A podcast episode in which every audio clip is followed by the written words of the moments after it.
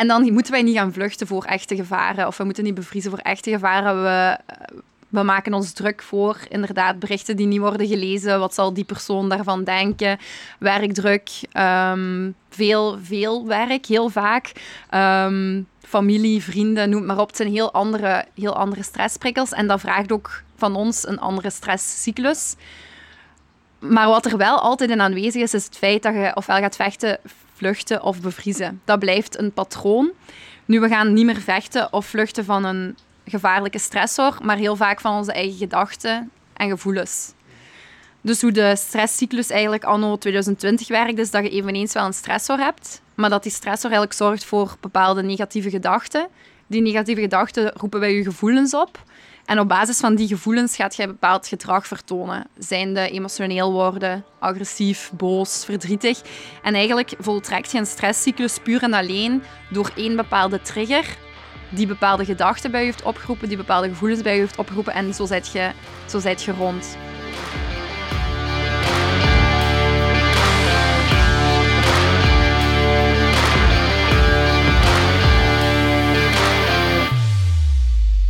Lieve vrienden, welkom terug. Wie dit hoort, is gestart met het luisteren naar aflevering 11 van Over Mensen. Elke aflevering voelt voor mij een klein beetje als een cadeau, omdat ik dankbaar ben voor iedereen die wilt meewerken, maar ook omdat ik dit dan kan delen met jullie. Vandaag is een recordaflevering. In de korte geschiedenis van de podcast nam ik nog nooit zo'n lange aflevering op en ik moet toegeven dat we nog niet uitgepraat waren. Wordt hoogstwaarschijnlijk ook vervolgd. Vandaag is het aan uh, Lisa Molenaars. En wie haar niet kent, gaat over een kleine twee uur een klein stukje rijker zijn. Ze is 24 jaar en dat is toch een confronterende 11 jaar jonger dan mij. Maar ze praat over haar onderwerpen alsof ze al 30 jaar ervaring heeft in het vak. Voor deze keer hebben we het gehouden op haar heel interessante werk Stress Less, Live More. In dit specifieke geval is kiezen ook verliezen, maar ik ben heel blij dat het zo'n leuk gesprek werd.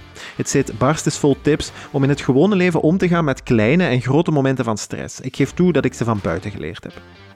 Lisa is sinds ik ze heb leren kennen een klein beetje mijn digitale guru aan het worden. Op haar Instagram-account The Habit Mind slaat ze zo vaak de spijker op de kop dat ze evengoed een doe-het-zelf-zaak had kunnen beginnen. Meer dan één keer heeft ze op een heel leesbare en praktische manier taal gegeven aan de abstracte dingen die soms in mijn hoofd omgaan. Haar stokpaardjes zijn zelfliefde en mindset. Ze kiest voor een no-nonsense aanpak gericht op actie. Het is dus aan mij, of aan jullie. Lisa vertelt heel gepassioneerd over wat ze doet en dat werkt best besmettelijk. Heel goed nieuws ook voor de mensen die er geen genoeg van krijgen. Dat hoeft helemaal niet. Surf straks maar eens naar www.thehabitmind.be. En daar heeft ze naast het thema van vandaag nog een hele waaier aan tools en opleidingen om te bekijken. Ik wil ook iedereen vriendelijk verplichten om haar Instagram-account The Habit Mind te volgen. En denk, net zoals ik, minstens een paar keer per week verdikken. Nu heeft ze weer gelijk. Tijd voor belangrijke lessen nu. Ik ga op Stress Less Live More cursus bij Lisa Molenaars.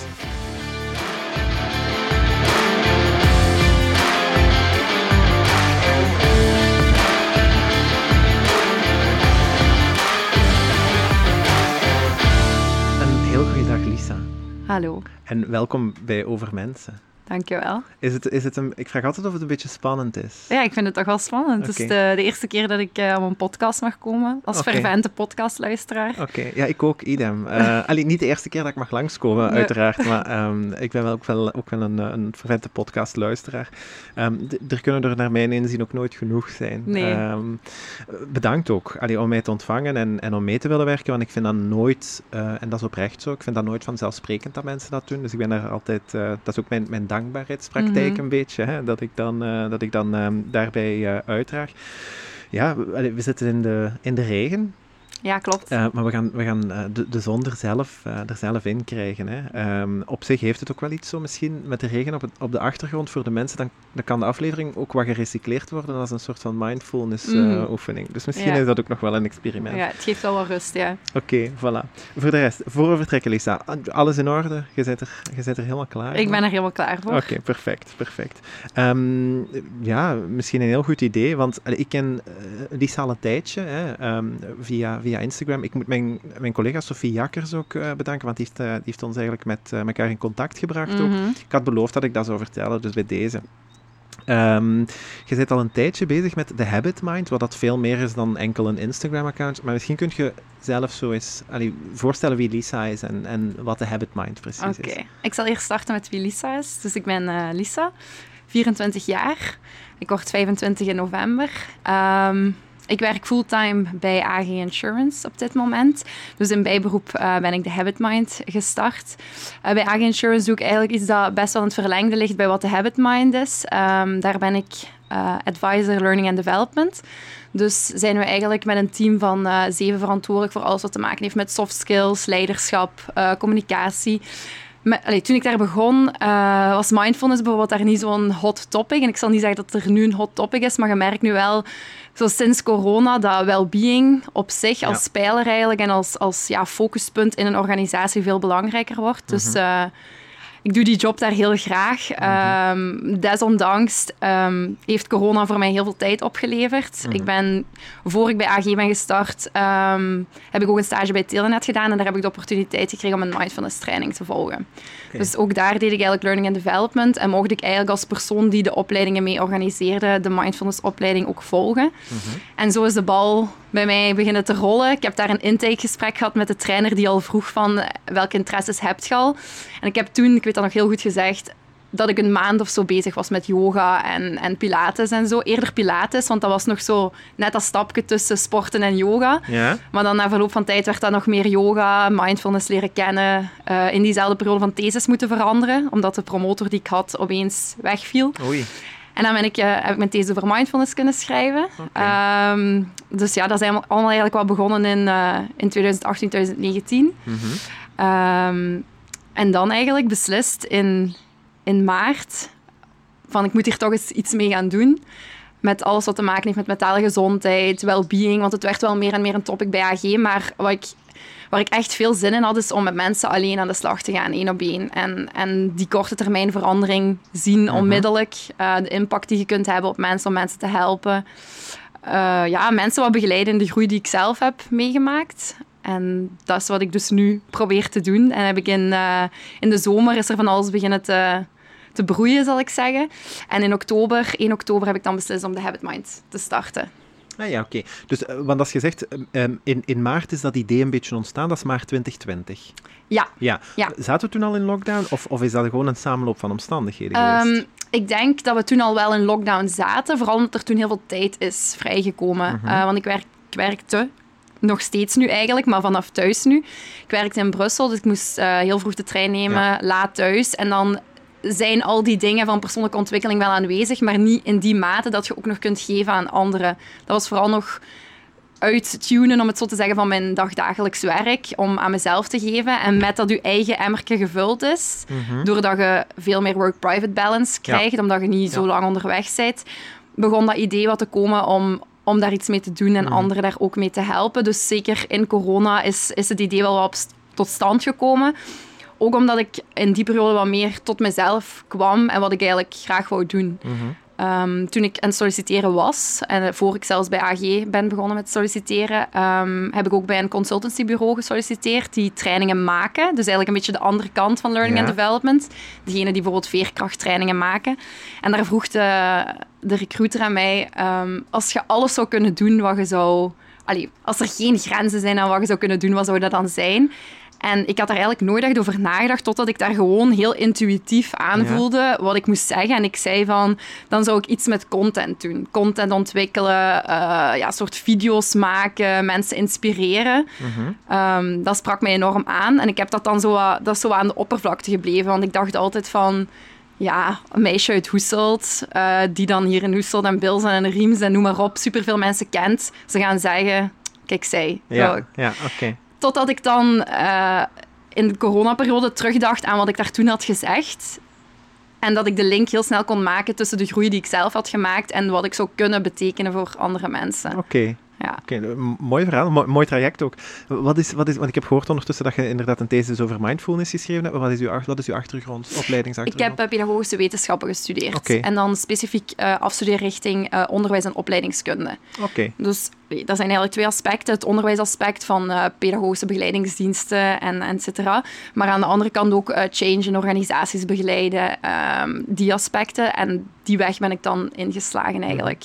Wat me nu eigenlijk ook een beetje interesseert, want um, is dat een richting die zich vooral focust op bijvoorbeeld scholen of vooral op bedrijven? Um, die splitsing komt er eigenlijk van het moment dat je kiest voor onderwijs en okay. opleidingskunde. Dan vallen de twee wat samen. Uh, eigenlijk een school is ook een organisatie in zijn geheel. Dus het focust zowel wat op die, op die twee aspecten. Uh, maar er zijn heel veel, heel, veel kanten, heel veel kanten mogelijk. Maar je hebt, dat is één afstudeerrichting en dan heb je de orthopedagogie. Uh, dus ik heb wel heel bewust na mijn bachelor eigenlijk gekozen om naar die, naar die organisatie... Okay. Uh, psychologie eigenlijk, pedagogie te gaan, om daar meer over, over te leren. Vooral ja, human behavior een beetje. Hè? Zo, ja. wat, wat, drijft mensen? Hoe kun je inspelen op mensen? Ja. Ja, ja. oké. Okay. Een, heel, een heel boeiende sector ook en een, ja. een heel boeiende job, absoluut. Um, ik, ik, ik heb u daarnet ook al even horen aanraken zo, hè, van... Ja, ik, ik ben dan Lisa en ik woon hier in Hoeselt en, en ik heb dan dit idee en, en wat gaan mensen daarvan denken? En, en ja, misschien is dat eigenlijk niet zo groot zoals dat ik het nu in mijn hoofd heb. Dat zijn heel veel twijfels ook, hè. een beetje ja, neigt wat naar zo het bekende imposter syndroom ja. ook wel wat. Um, ik kan me inbeelden dat op dag één wist je niet alles. Uh... Nee, exact. Um, want ik heb nu niet eigenlijk gezegd wat de habit mind is, maar met de habit mind, kort samengevat, coach ik eigenlijk vrouwen via online cursussen en één om één coaching naar, allee, ik noem het een beetje de drie, de drie grote aspecten die ik adem, om het zo te zeggen. Dus zelfliefde, uh, zelfbewustzijn en veerkracht. En daar, ik, zou, ik zou als iedereen die drie aspecten in het leven beheerst, dan zou het hier zoveel mooier zijn. Okay. Voor uzelf, maar ook voor alle mensen in uw omgeving. Um, en allee, dat kwam natuurlijk niet uit het, uit het niks. Ik wist dat ik iets wou doen om, om mensen te inspireren, maar wat, wat is dat dan? Ik heb heel lang getwijfeld, want ik zeg het, ik ben in maart, is dat wel wat beginnen broeden. Ik kan me nog herinneren dat in de zomer, toen we terug wel met vrienden mochten samenkomen, dat ik tegen een aantal vriendinnen had gezegd van dat speelt wel, ik wil daar iets mee doen, ik ga daar iets... Het begon al zo meer, in de zomer begon al meer iets te worden van ik ga daar iets mee doen. En hoe meer je dat eigenlijk tegen jezelf zegt, hoe meer het een realiteit mm -hmm. wordt in je hoofd. Ja. En daarvoor was het altijd van ik wil daar iets mee doen, maar... Alleen, dan zie je letterlijk je schouders omhoog trekken van, ja. maar wat? Uh, en ook in de zomer blijft dat imposter syndrome wel, wel wat hangen. Hè. Dat blijft altijd een ding van wat gaan de mensen denken. Totdat ik opeens zoiets had van, kijk, uh, ik ga dat gewoon doen.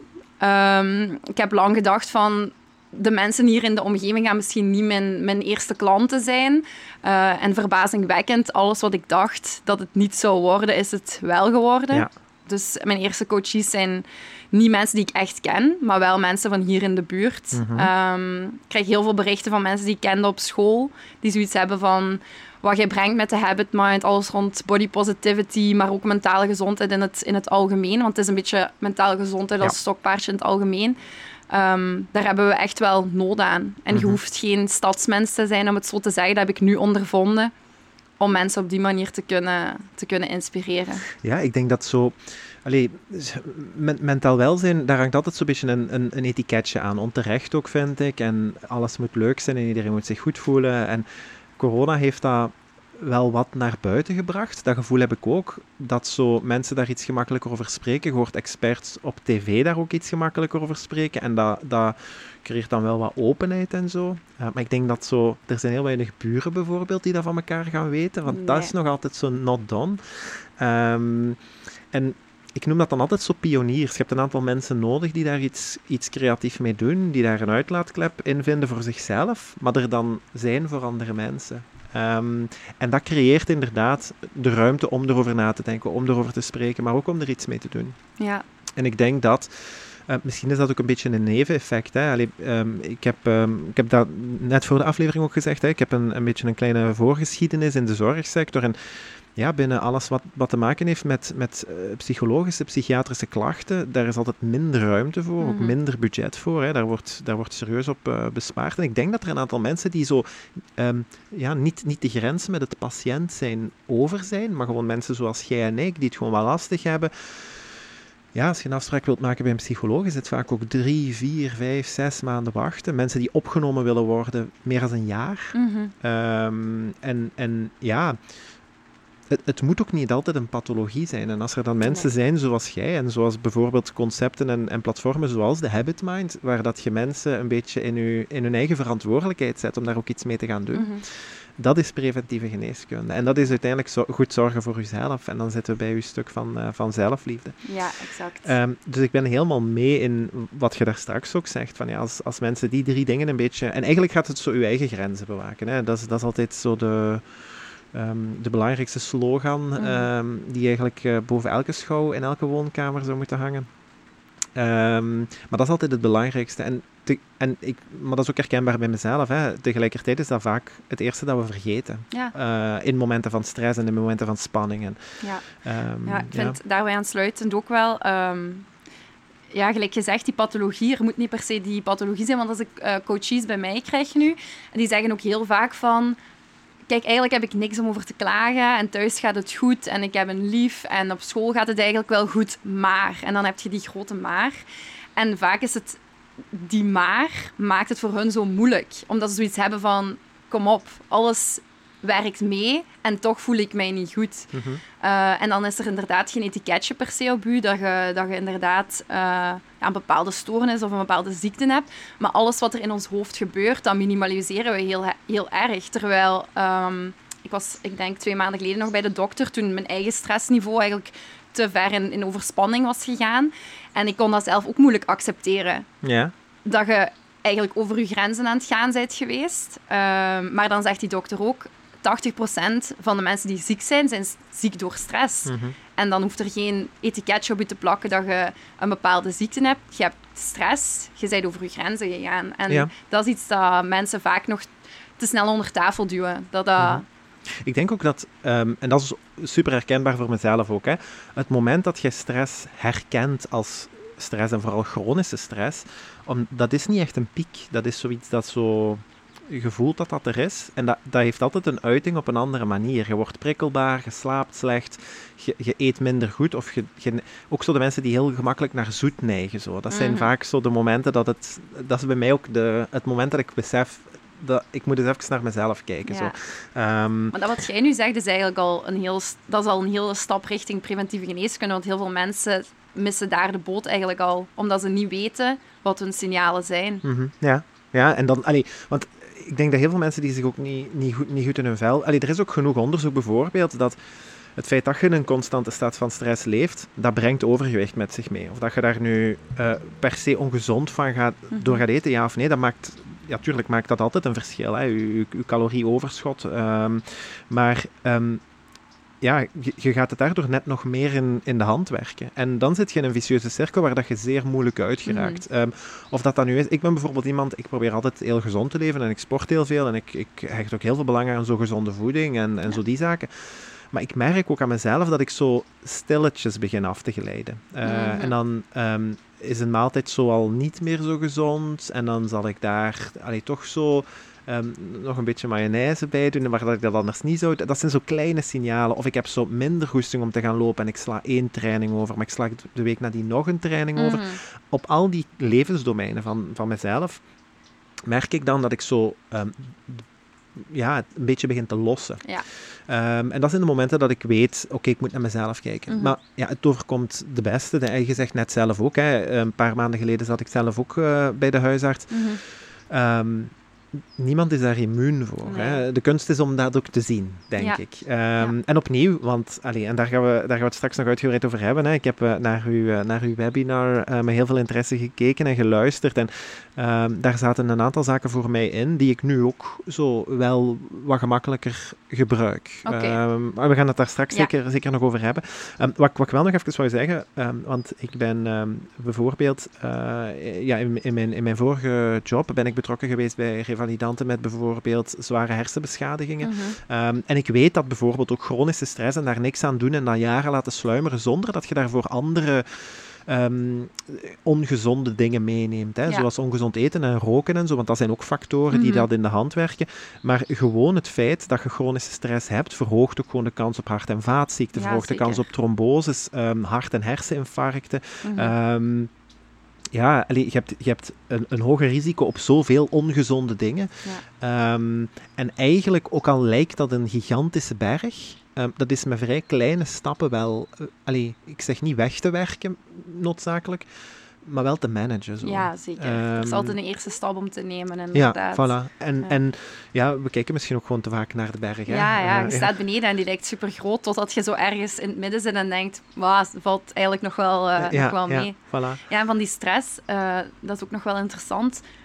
Um, stress zoekt eigenlijk de plekken in je lichaam op waar je het kwetsbaarste bent.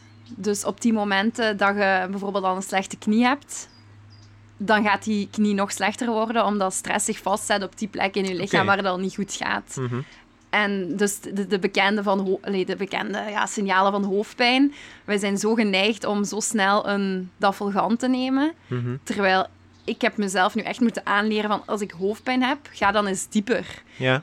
Voor ik die dafalgan neem, doe ik eerst een soort scan bij mezelf van, van waar kan die hoofdpijn komen. En dan neem ik die daffelgan. Omdat je dan daarvoor eigenlijk een soort bewustwording hebt gecreëerd van er is iets anders dat ik moet doen dat mij op lange termijn van die hoofdpijn gaat afhelpen. En dan neem ik pas op korte termijn de daffelgan eigenlijk. Oké, okay, ja. Dus ja, ja. zo'n zo'n zaken Ja. boeien mij enorm. En zeker omdat ik, dat ik weet dat heel veel mensen uh, nog in die zeer reactieve vorm van oplossen zitten. Ja, ja, absoluut. absoluut. En ik denk dat wat, wat mij daar vooral in helpt, is zo um, het, het feit dat mindfulness een beetje op mijn pad gekomen is, Mhm. helpt mij daar wel wat bij. Om zo even stil te staan bij mezelf. En je woont ook zo wat je net zegt over zo een pijnstiller nemen. Dan, dat is ook een moment waar dat ik wel zo eens even stilsta van, ja, ik, ik heb hoofdpijn en ik ga nu iets nemen en dan is dat voor twee uur Oké. even oké. Okay. En, en, maar ja, dan daarna. Mhm. Uh, en vaak is dat met heel andere dingen ook op te lossen. Ja. Um, dus ja, uh, misschien moeten we inderdaad er gewoon eens, er gewoon eens invliegen. Oké. Hè, Lisa, ik heb uh,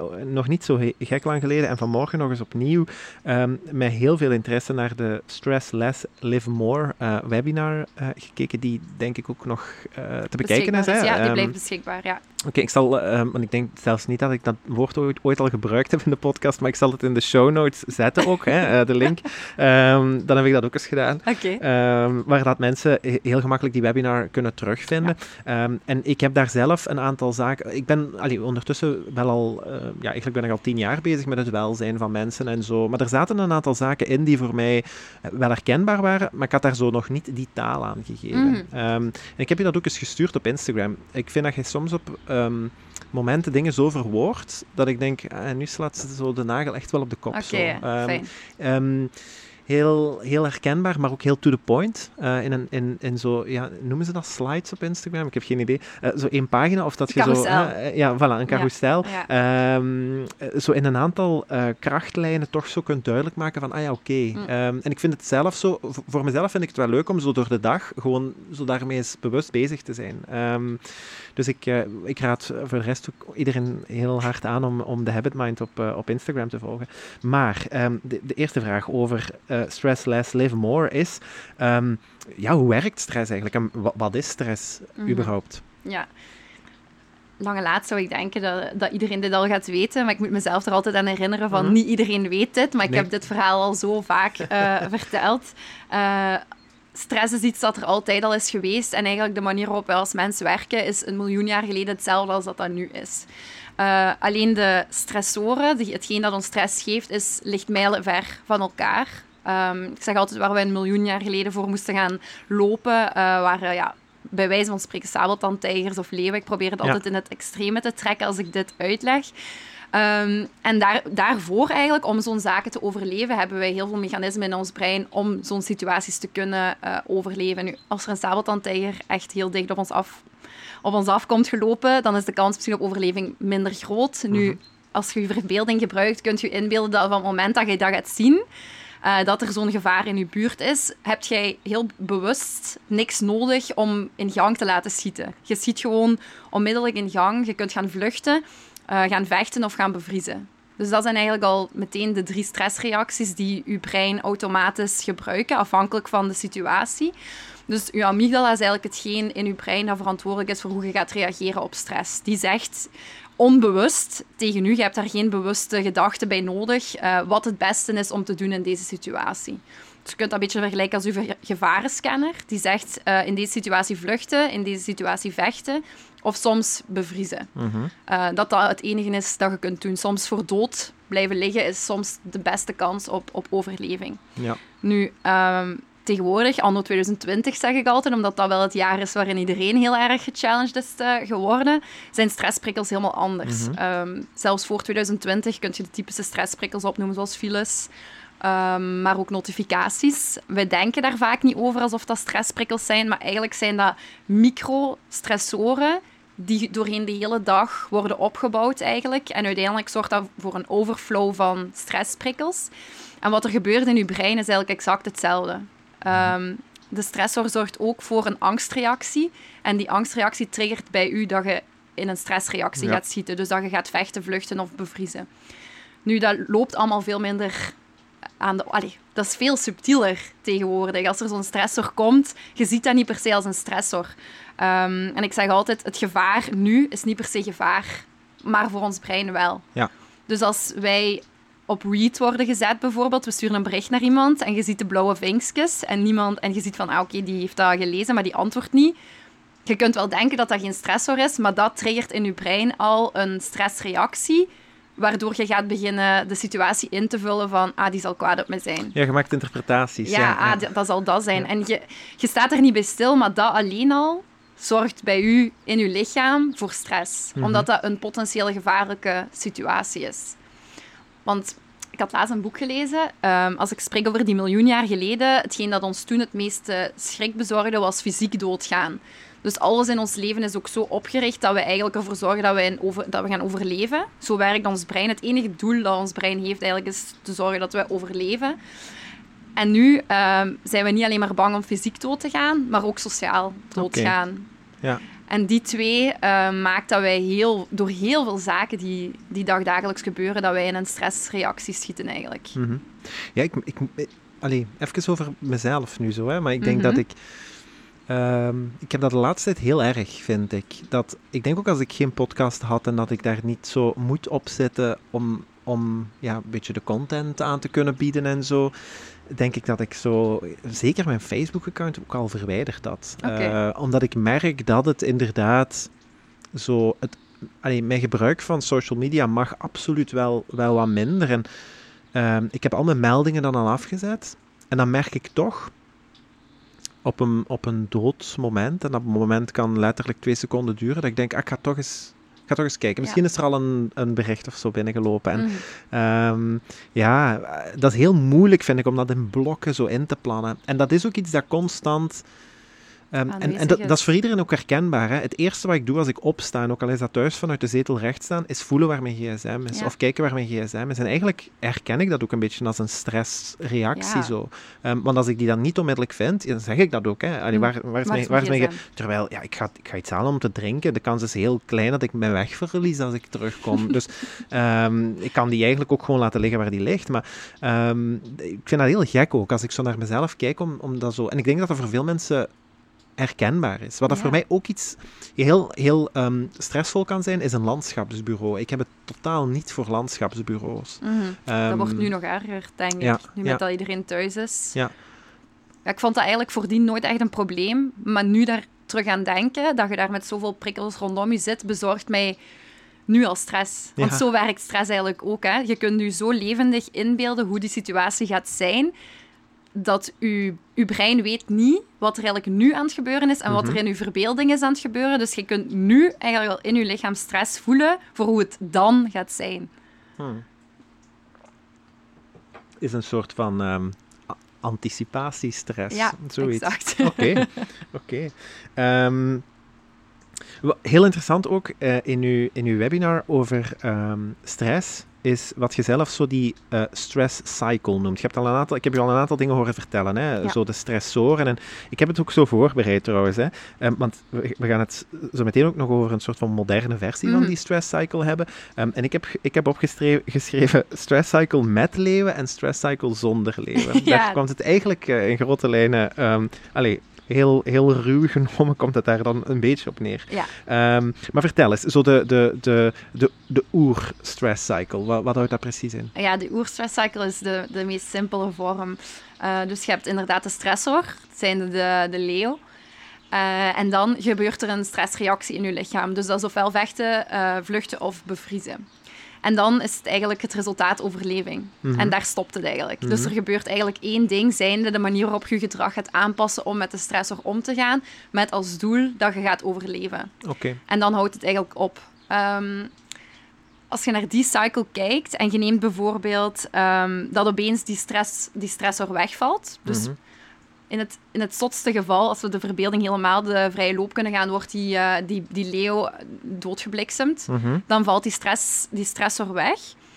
Maar je lichaam zit nog steeds in de adrenaline. Ja, in het, dus in het vluchten, vechten, ja, bevriezen. Ja, ja, dus de cortisol is door je lichaam aan het pompen, mm -hmm. waardoor je met de adrenaline gaat kunnen uh, waarschijnlijk vechten of vluchten.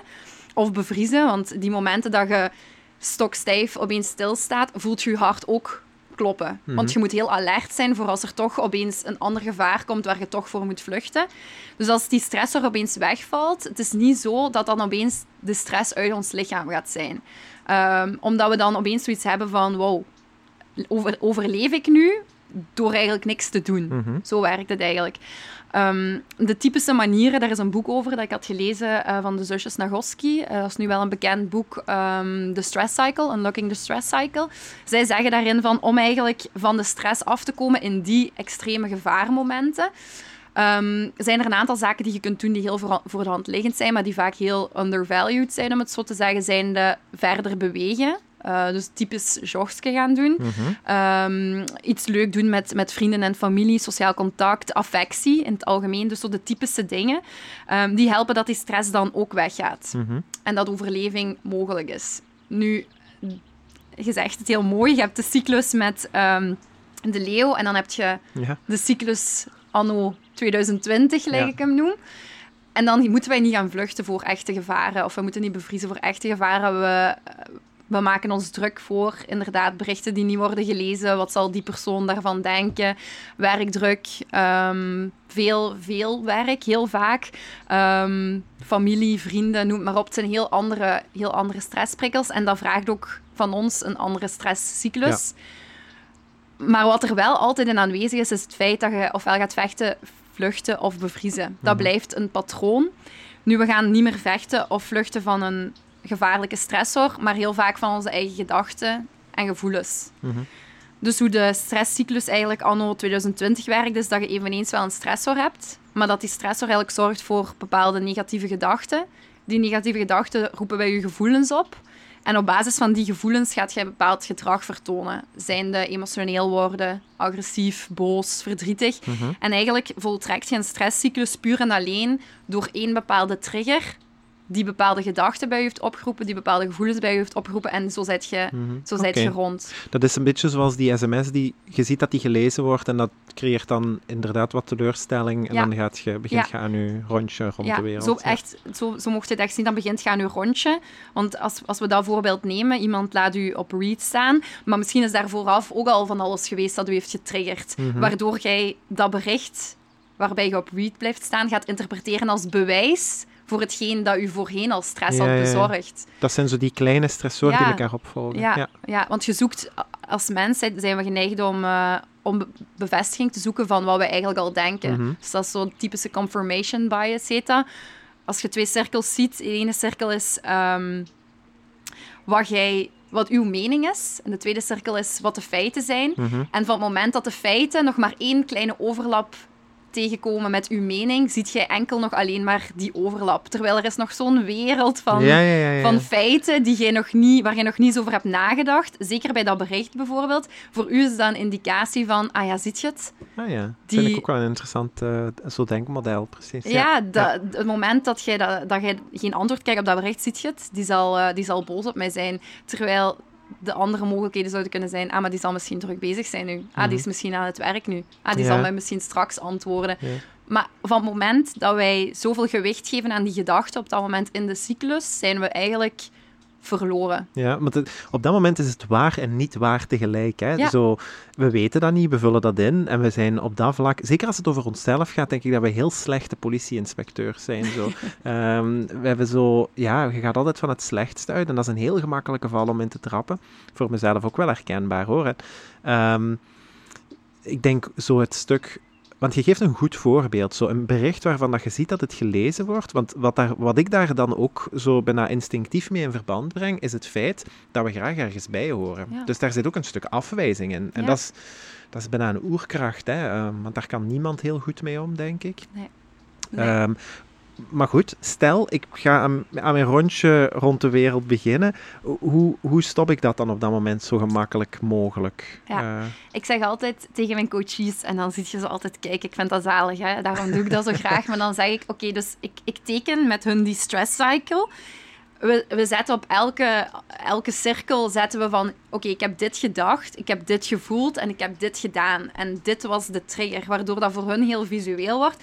En dan teken ik eigenlijk kruisjes op die cirkel. En die kruisjes geven weer van, hier had je kunnen stoppen, of kun je in de toekomst stoppen, hier kun je stoppen en hier kun je stoppen. En wat bedoel ik met stoppen? Dat is eigenlijk letterlijk mentaal stoppen. ja. Dus, ehm, want wat er aan het gebeuren is, is er is een cyclus zich mentaal aan het voltrekken. Hè? Ja. Er is niks fysiek aan het gebeuren, want dat is het grote verschil met de, met de stresscyclus anno eh, een miljoen jaar geleden met de leeuwen. Er is niks aan het gebeuren waarvan je kunt zeggen van "Hey, nu stop ik mijn lichaam in een ruimte. Nee, er moet iets gebeuren in je hoofd, zijnde stoppen op zo'n manier dat je jezelf van op een afstand kunt bekijken wat er aan het gebeuren is. Want het is doordat dat zo'n onbewust proces is, en dat is de, de grote link met hoe het vroeger al ging, dat is een omgaan met stressprikkels loopt zo onbewust, zonder dat we daar bewuste acties rond moeten nemen, dat wij vanaf nu wel moeten kiezen. En nu maak ik wel dat ik mij bewust ben op die momenten. En ik noem dat eigenlijk ook domino-blokjes. Dus in de werkboeken die ik maak voor coaches, teken ik de cirkel zoals hem nu is, eh, anno 2020. En dan zet ik eigenlijk op de momenten dat je kunt stoppen, zijnde bij je gedachten, of bij je gevoelens, of bij je Mhm. gedrag. Want dat zijn allemaal check-in momenten. Ja. Het is niet zo dat je, eens dat je hebt gereageerd op een trigger, dat je dan zoiets moet hebben van, ah, te laat, jammer. Ah, ja, oké. Op eender welk moment kun je nog opnieuw stoppen, zijnde bewust worden van wat je aan het denken bent, of bewust worden wat je aan het voelen bent. Of op het moment dat je eigenlijk al aan het reageren bent op de stressprikkel, kun je even goed nog zeggen van, wow, Ja, wow, ja. ik ga eens even... Vra- vraagt dat heel veel zelfdiscipline of valt dat wel mee? Want ik, ik herken daar bijvoorbeeld een verhaal in met... ehm, ja, je kunt dat even goed toepassen op chocola. Hè. Eh, je eet een stuk en je denkt, ja, nu is het toch al, Ja. nu is het al om zeep. En ja, je kunt op elk moment kiezen. Hè. Elk blokje zou je eigenlijk kunnen zeggen, nu stop ik, nu leg Mhm. ik het weg. Is daar, is daar veel zelfdiscipline voor? Hoe voelt je dat zelf? Ehm, ik vind zelfdiscipline altijd een moeilijk woord, omdat als, als ik dat zeg tegen coaches, kan dat op zich al heel triggerend zijn. Want op die momenten dat je dan de stresscyclus wel voltooid hebt op een manier dat je eigenlijk zou het niet meer willen doen, creëert je vaak dat mensen zich heel teleurgesteld gaan voelen in het feit dat ze geen zelfdiscipline hebben gehad om op tijd te stoppen. Dus hoe ik het meestal noem is, wat erachter schuilt is zelfdiscipline. Hè? Maar ik wil die teleurstelling niet aan mensen geven van, Mhm. ah ja, je was niet gedisciplineerd genoeg om te stoppen. Ik noem het eigenlijk liever een mindful moment versus een mindful reflectie. Dus ehm, een mindful moment is eigenlijk dat je op tijd, tijdens dat de cyclus zich aan het, aan het, uitzetten is, om het zo te zeggen, eh kunt je stoppen. Dus je creëert op de verschillende stappen in de cyclus een mindful moment door te denken, oké, wat ben ik hier eigenlijk aan het denken? Wat ben ik aan het voelen? Hoe ben ik me aan het gedragen? Maar heel vaak gaat dat zo onbewust, want we moeten ook niet vergeten, de dingen die wij doen, doen wij meestal al jaren. Mhm. Dus dat is heel moeilijk om daar van de ene op de andere dag opeens iets anders te gaan doen. Daarom noem ik de habit mind ook de habit mind, om daar een zekere comfort in te vinden dat de manier waarop onze mind werkt, dat doen wij al jaren zo. Ja. De patronen die we hebben, die zijn er omdat wij jaren hetzelfde doen. Mhm. Dus daardoor wil ik mijn coaches eigenlijk en iedereen die mij volgt op, op Instagram ook een soort van rust geven in zichzelf. Dat het ook nooit te laat is om nadat een stresscyclus zich voltrokken heeft, Mhm. zijnde bijvoorbeeld het bericht. ehm, je gaat door een stressreactie bijvoorbeeld kwaad worden op die persoon die je op read heeft laten staan. Ja. Terwijl je weet helemaal niet wat er eigenlijk echt is gebeurd. En wat je creëert op die momenten dat je dan spreekt van zelfdiscipline, is dat die personen over zichzelf gaan vinden van, ah ja, shit, Ja, ik heb het, ik heb het weer verpest. Terwijl als je dan spreekt van mindful reflectie, dan dwingt je eigenlijk om ook te leren uit die momenten dat je een stresscyclus hebt vertrokken, voltrokken, die niet zo, die niet zo goed was. Mag het of, of is het toegestaan om, om ook voor afleiding te kiezen? Of is dat een minder goede optie? Ehm, ik vind dat niet per se een minder goede optie. Afleiding is eh, zeker goed. Moet alleen zien, afleiding mag geen vermijding worden. Ja. dus Ja. positieve afleiding is als bijvoorbeeld je energie laag is. Je hebt bijvoorbeeld stresscyclus na stresscyclus na stresscyclus ervaren en de afleiding zou zijn, je gaat een avondje eh, stappen. Ik gebruik hier wel helemaal geen eh coronaproof voorbeelden, want dat kan allemaal niet, dus mensen gaan zich er nu niet in eh, kunnen herkennen. Maar dat is dan bijvoorbeeld een positieve, een positieve afleiding. Maar het mag niet zo zijn dat de afleiding een soort van vermijdingsgedrag gaat Ja. worden. Want dan creëert je eigenlijk een, een neerwaartse spiraal waarin je je ge- negatieve gedachten, je negatieve gevoelens gaat onderdrukken. En ehm, er is zo'n quote, what you resist persist. Hoe meer je eigenlijk afleiding gaat zoeken om bepaalde triggers te vermijden, hoe meer die triggers aan de oppervlakte gaan komen totdat je de tijd neemt om ze te zien. Ja, oké. Ik, ik, ehm, ik heb het boek nog niet uit, hè, maar ik ben, aan het, ik ben aan het lezen in een boek en dat, dat heet The Craving Mind van Ah, ken eh ik. Dr. Denk Judson Brewer dat die man heet. Ehm, maar je moet me excuseren als ik het verkeerd heb. Ehm, en hij heeft het heel, heel vaak over habit loops, waar dat je eigenlijk een slechte gewoonte... daar zit ook een stuk mindfulness in. Hè? Even stilstaan van, ja, wat, wat maakt eigenlijk dat ik... wacht, welk moment maakt dat ik dit gedrag ga stellen? Eh, voordat het een gewoonte wordt. Want echt zo verankerde gewoontes zijn best moeilijk te doorbreken. Zo. Ehm, en, en hij zegt van, ja, dat is eigenlijk niet afleiding, maar dat is gewoon ehm, het herkennen van waar dat het komt en het proberen om te zetten naar een positieve gewoonte die dat dan vervangt. Ja. Ehm, ja, sin- sindsdien probeer ik daar zo, zo ook wel een beetje mee te oefenen. Zo. Ja. Ehm, ik weet bijvoorbeeld, als ik thuis de tv opzet, en dat is echt al van in mijn jeugd, daar moet ik iets bij eten. Dat is, Ah, ja. dat is, dat is, zo echt, ik, dat is echt een, een gewoonte loop waar dat ik echt in, in vast zit Ja. soms. Ehm, en ik probeer daar nu... ehm, ja, want ik weet, als ik bijvoorbeeld zou lezen, dan eet ik liever niet. Ehm, Ja. en, en dan vervang ik tv kijken door lezen. Dat is nu, allee, dat lijkt nu iets, een heel stom Mm. voorbeeld. Maar eigenlijk doet het voor mij hetzelfde, want het televisie kijken doet voor mij hetzelfde als wat het lezen doet voor mij Mhm. in, in mijn hoofd. Ehm, maar in de ene situatie kan ik mij neerleggen en daarbij eten, en bij de andere doe ik dat dan niet, Nee, omdat ja. ik gewoon aan het lezen ben. En als ik lees, heb ik bijvoorbeeld graag zoiets iets warm om te drinken, dus dan zet ik gewoon wat thee of zo. En ja, eigenlijk is dat dan daardoor ook... Allee, thee is veel vaker gezonder dan, Mhm. dan zoutchips, Ja, ja, ja. ja, je creëert Ehm, inderdaad andere habit loops, om ehm, eh, zo te Maar ik, zeggen. wat, niet, wat niet wil zeggen dat ik ben verre van, eh, verre van perfect, want ik, ik eet nog altijd bijzonder graag zoutchips, daar niet van. Maar ehm, ik ben me er wel bewust van. En dan zit daar ook een stuk, want dat hoorde ik u daar straks ook zeggen, dat is ook een van de rode draden, vind ik zelf, in de habit mind. Zo, daar zit een beetje acceptatie ook bij van, ja, we zijn ook maar wie dat we zijn. Niemand is perfect en je mocht fouten maken en iedereen zal ook fouten maken. De kunst is om daar, allee, u niet door uit het lood te laten Ja. slaan. Hè. Ehm, de teleurstelling hoort er inherent bij, Mhm. denk ik. Ja, Ehm, ja inderdaad. dus allee, vind, ik, vind ik zelf ook een zo van de, van de, van de ja, krachtige boodschappen die je zo met eh, de habit mind een beetje probeert, eh, probeert uit te draaien. Maar zo, die habit loops deed me heel erg denken zo, inderdaad aan zo het, eh, het, het proberen reflecteren van allee, wat maakt nu inderdaad dat ik dit ga doen en zo. Mhm, mhm. Ehm, is dat eigenlijk iets vanuit uw ervaring dat mensen gemakkelijk oppikken, waar dat mensen zo snel wel, of, of is dat maanden werken? Of hoe nee, ziet dat is dat? zeker geen maanden werken, want ik ben ook totaal geen voorstander van 12 tot 15 sessies, bij wijze van spreken. Dus het grootste traject bij mij is acht sessies. En ik heb er nu een aantal die klaar zijn met, met de acht sessies bijna. De laatste coachings zijn volgende week. Eh, en dan hebben we, hebben we ja, toch al wel wat trajecten afgerond. En als ik zie de vooruitgang die zij maken, dat is immens. Want het is geen rocket science. Hè. De Mhm. dingen die ik hier nu vertel, je- als je daarover nadenkt, hoe een bepaalde trigger je gedachten kan op, doen opwekken, gevoelens kan doen opwekken en hoe dat je gedragingen gaat bepalen.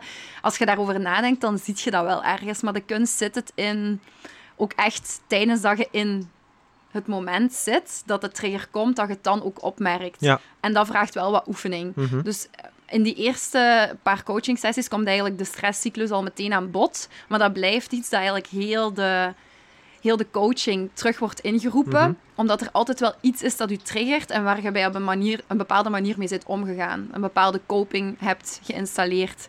Nu, het is dan, wat we eigenlijk moeten doen is de coping die je altijd hebt gebruikt, dus de manier waarop je met de trigger bent omgegaan, die gaan we nu vervangen. Dus dat is een beetje wat jij nu ook hebt Mhm, gedaan mhm. de coping was altijd, ah, ik neem daar ik neem daar iets om te eten bij. Ja. zijn een zakje chips. En jij verandert eigenlijk het gedrag met dat je een ander signaal oppikt. Het, het signaal wordt tv naar lezen en dan krijg je ook een andere, een andere cyclus. Mhm, mhm. Ja, ik, ik kan nu zelfs eh, ook tv kijken zonder iets te eten. Ah, Want voilà. eh, het was echt, allee, ik, ik moet, dat, moet daar heel eerlijk in zijn, maar het was een beetje zo pathologisch zelfs. Eh, Mm. als ik dan op tv aan het kijken was, dan, dan hoorde ik ook zo gewoon van alles roepen. Alleen zo, eh, ja, ik, dat moest. En nu kan Ja. ik dat zo wel wat gemakkelijker loslaten. Maar ik ben daar een tijdje bewuster mee moeten bezig zijn. Mhm. Op zich, eh, ik heb dat ook ooit eens geprobeerd met zo eh, een zoete smaak, bijvoorbeeld. Eh, als je denkt aan zoet, eh, of ik, als ik aan u nu zou vragen, noem het eerste in u op waar dat je aan denkt als ik zeg zoet, ja dan, ja, dan denk je aan chocola, of dan denk je... Ja, voilà. Ehm, en ik heb ooit eens een artikel gelezen, ik weet ook niet meer waar of hoe, dat doet er ook niet toe, ehm, dat je je hersenen een beetje kunt trainen. Dus als jij denkt aan zoet, dat je denkt bijvoorbeeld aan een, aan een sinaasappel. Mm. Ehm, en dat is gewoon door jezelf, op het moment dat je denkt aan zoet, ervoor zorgen dat je fruit in de buurt hebt Ja. en fruit eten. En na een tijd, en dat, dat werkte echt, en ik Mhm. moest daar zelf heel hard mee lachen dat dat zo werkte, maar als ik dan aan zoet dacht, dacht dan zag ik ook een sinaasappel. Ehm, en dat is zo'n beetje zo, allee, om een aantal voorbeelden misschien Ja. ook te geven, die voor mij herkenbaar zijn, zo'n beetje trainen met zo dat, eh, dat omzetten. Ja. Ehm, en dat, dat hoeft inderdaad niet zo lang te duren, maar je moet er wel bewust mee bezig zijn. En ik denk dat, allee, dat, is ook een, dat is ook een boodschap, denk ik, die, die voor heel veel mensen belangrijk is. Heel vaak, ehm jij noemde het net ook zo, het is geen rocket science. Ehm, heel veel dingen die ik op uw account zie terugkomen, zo op Instagram, dan denk ik, ah ja, zo is het. Maar tegelijkertijd heb ik het nog nooit op die manier gezien. Mhm. En ik denk dat dat ook gewoon komt. Wij gaan heel vaak uit van zo vanzelfsprekend, we weten het wel en we hebben alles wel al eens gezien. En, en, en allee, ja, nog iets heel anders is dan zo mensen die dan zeggen, ja, eh, met uw mindfulness en zo, maar dat is nog een ander verhaal. Ehm, dus als de wil er een beetje is, er is, er is ook niet zo... Er is ook niet zoveel voor nodig en het gaat een stuk om bewust worden van die zaken. Ehm, en, en ik geloof ook heel, heel erg dat je, daardoor een, eh, dat je daardoor een beter mens kunt worden. Ja. Door zo'n aantal ehm, ja, dingen toe te passen, puur op, op... Ja, dat is puur zelfzorg. Hè? Ja. Ehm, en alles... En dat vergeten mensen ook precies. Eh, alles begint, of alles vertrekt vanuit zelfzorg. Mhm. Als je niet goed voor jezelf zorgt, allee, is, dat, is dat sowieso een straatje zonder einde, maar daar Mhm. gaan andere mensen ook gevolgen van ervaren. Je kunt er niet zijn voor andere mensen. En ehm, je gaat ook minder gemakkelijk weg met mensen. En je zit meer op je eigen. En je gaat meer eten. En je gaat minder sporten. En je komt allee, minder buiten. En, Mhm. dus dat is allemaal zo'n vicieuze cirkel die eigenlijk heel gemakkelijk om te draaien is met zo kleine ingrepen te doen. Ja. Ehm, En toen ik dat gezien heb, heeft dat een heel groot verschil gemaakt in mijn leven. Opnieuw, hè, dat is altijd met zo, ja, weet je, ondertussen is het misschien twee stappen vooruit en eentje achteruit, zo, Mhm. hè, in plaats van vroeger was het omgekeerd Ja. misschien.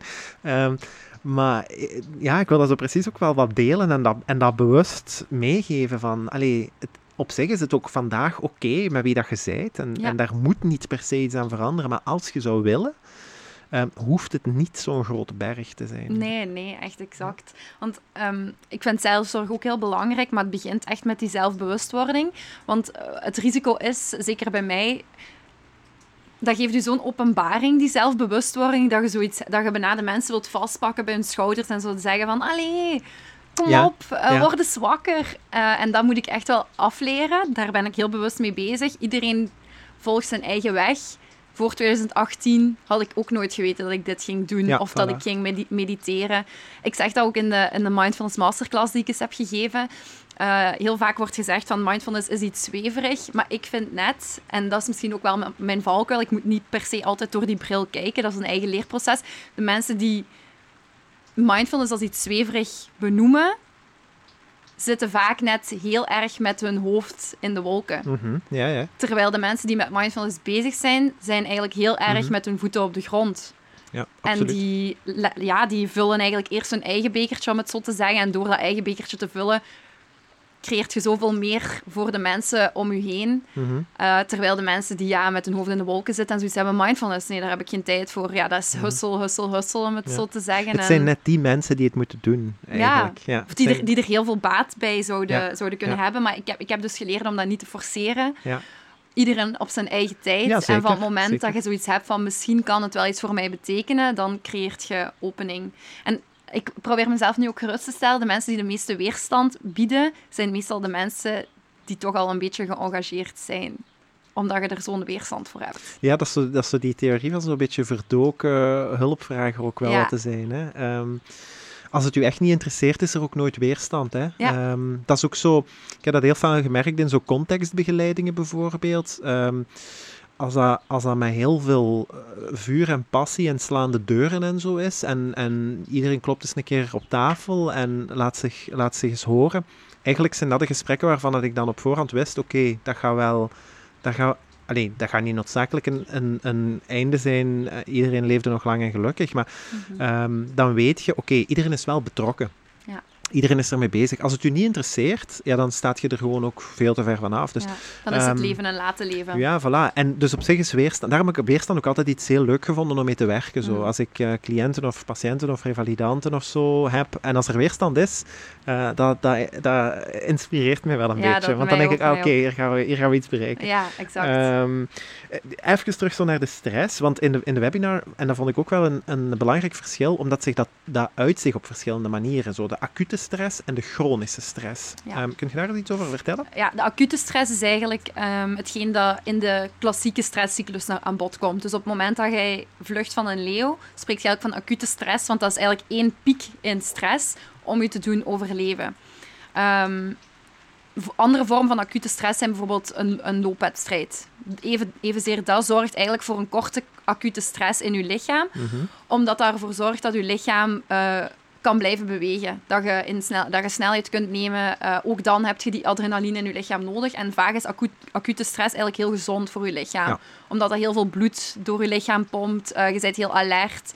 Uh, je kunt dat typ, allez, typisch vergelijken met de snellere hartkloppingen. Mhm. -hmm. maar een beetje zo de, ja, de, de conditie die je nodig hebt om, om gezond door het leven te gaan. Dat is eigenlijk wat acute stress met je doet. Mhm. Korte momenten van, van stress die je lichaam bezorgt.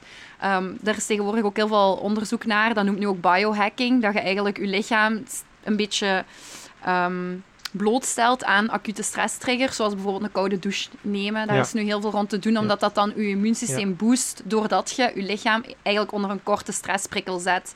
Dan creëert je meer witte bloedcellen, eh, et cetera. Ja. Um, nu, dat is één ding. Uh, chronische stress daarentegen is het andere ding waarbij je constant wordt getriggerd. Uh, dus dat staat ver van van koude douches pakken. Dat is echt, um, uw baas belt u met een slechte feedback. Um, thuis lopen de kinderen krijsend rond, bij wijze van spreken. Je zit thuis te werken. Uh, je moet naar de winkel met dat mondkapje. Je moet, allee, gelijk zei, een beetje die hustle, hustle, Mhm, hustle, ja. waarbij je eigenlijk constant onder stress staat.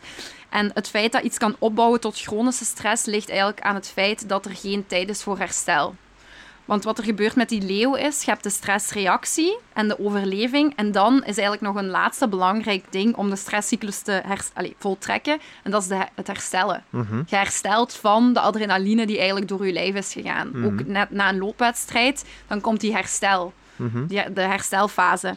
Ehm, als je onder chronische stress staat, dan is er helemaal geen sprake van herstel. Ze zeggen ook tegenwoordig, ehm, werkdruk is niet de reden van burn-out, het gebrek aan herstel wel. Ja. Dus burn-out is eigenlijk hetgene dat gecreëerd wordt doordat jij in plaats van eh, een afwisseling te maken tussen ontspanning en, overs- ontspanning en inspanning, Mhm. dat je eigenlijk constant in inspanning gaat. En dan creëert je eigenlijk een niveau boven de inspanning, zijnde overspanning. Mhm. En het wordt moeilijker en moeilijker om eigenlijk van de overspanning terug naar de ontspanning te gaan. Want op een gegeven moment heb je zo'n routine voor jezelf gecreëerd, waardoor je onder constante stress staat, dat relaxen of eens niks doen Mhm. ook niet meer juist aanvoelt. Ja. En Ja. dat is de ziekte die we onszelf wel wat hebben gecreëerd. Mhm. Dat zitten in de zetel en niks doen niet meer leuk is. Ik denk dat dat voor veel mensen zo op zondagnamiddag zo, of de vroege avond een beetje begint. Zo, eigenlijk zit uw agenda van het werk al in uw hoofd. Ehm, ehm, ik heb zelfs ooit gehad dat ik zo mijn, mijn telefoon van op het werk precies al hoorde afgaan. Zo in mijn achterhoofd. Dat ik dacht, dit, dit kan niet.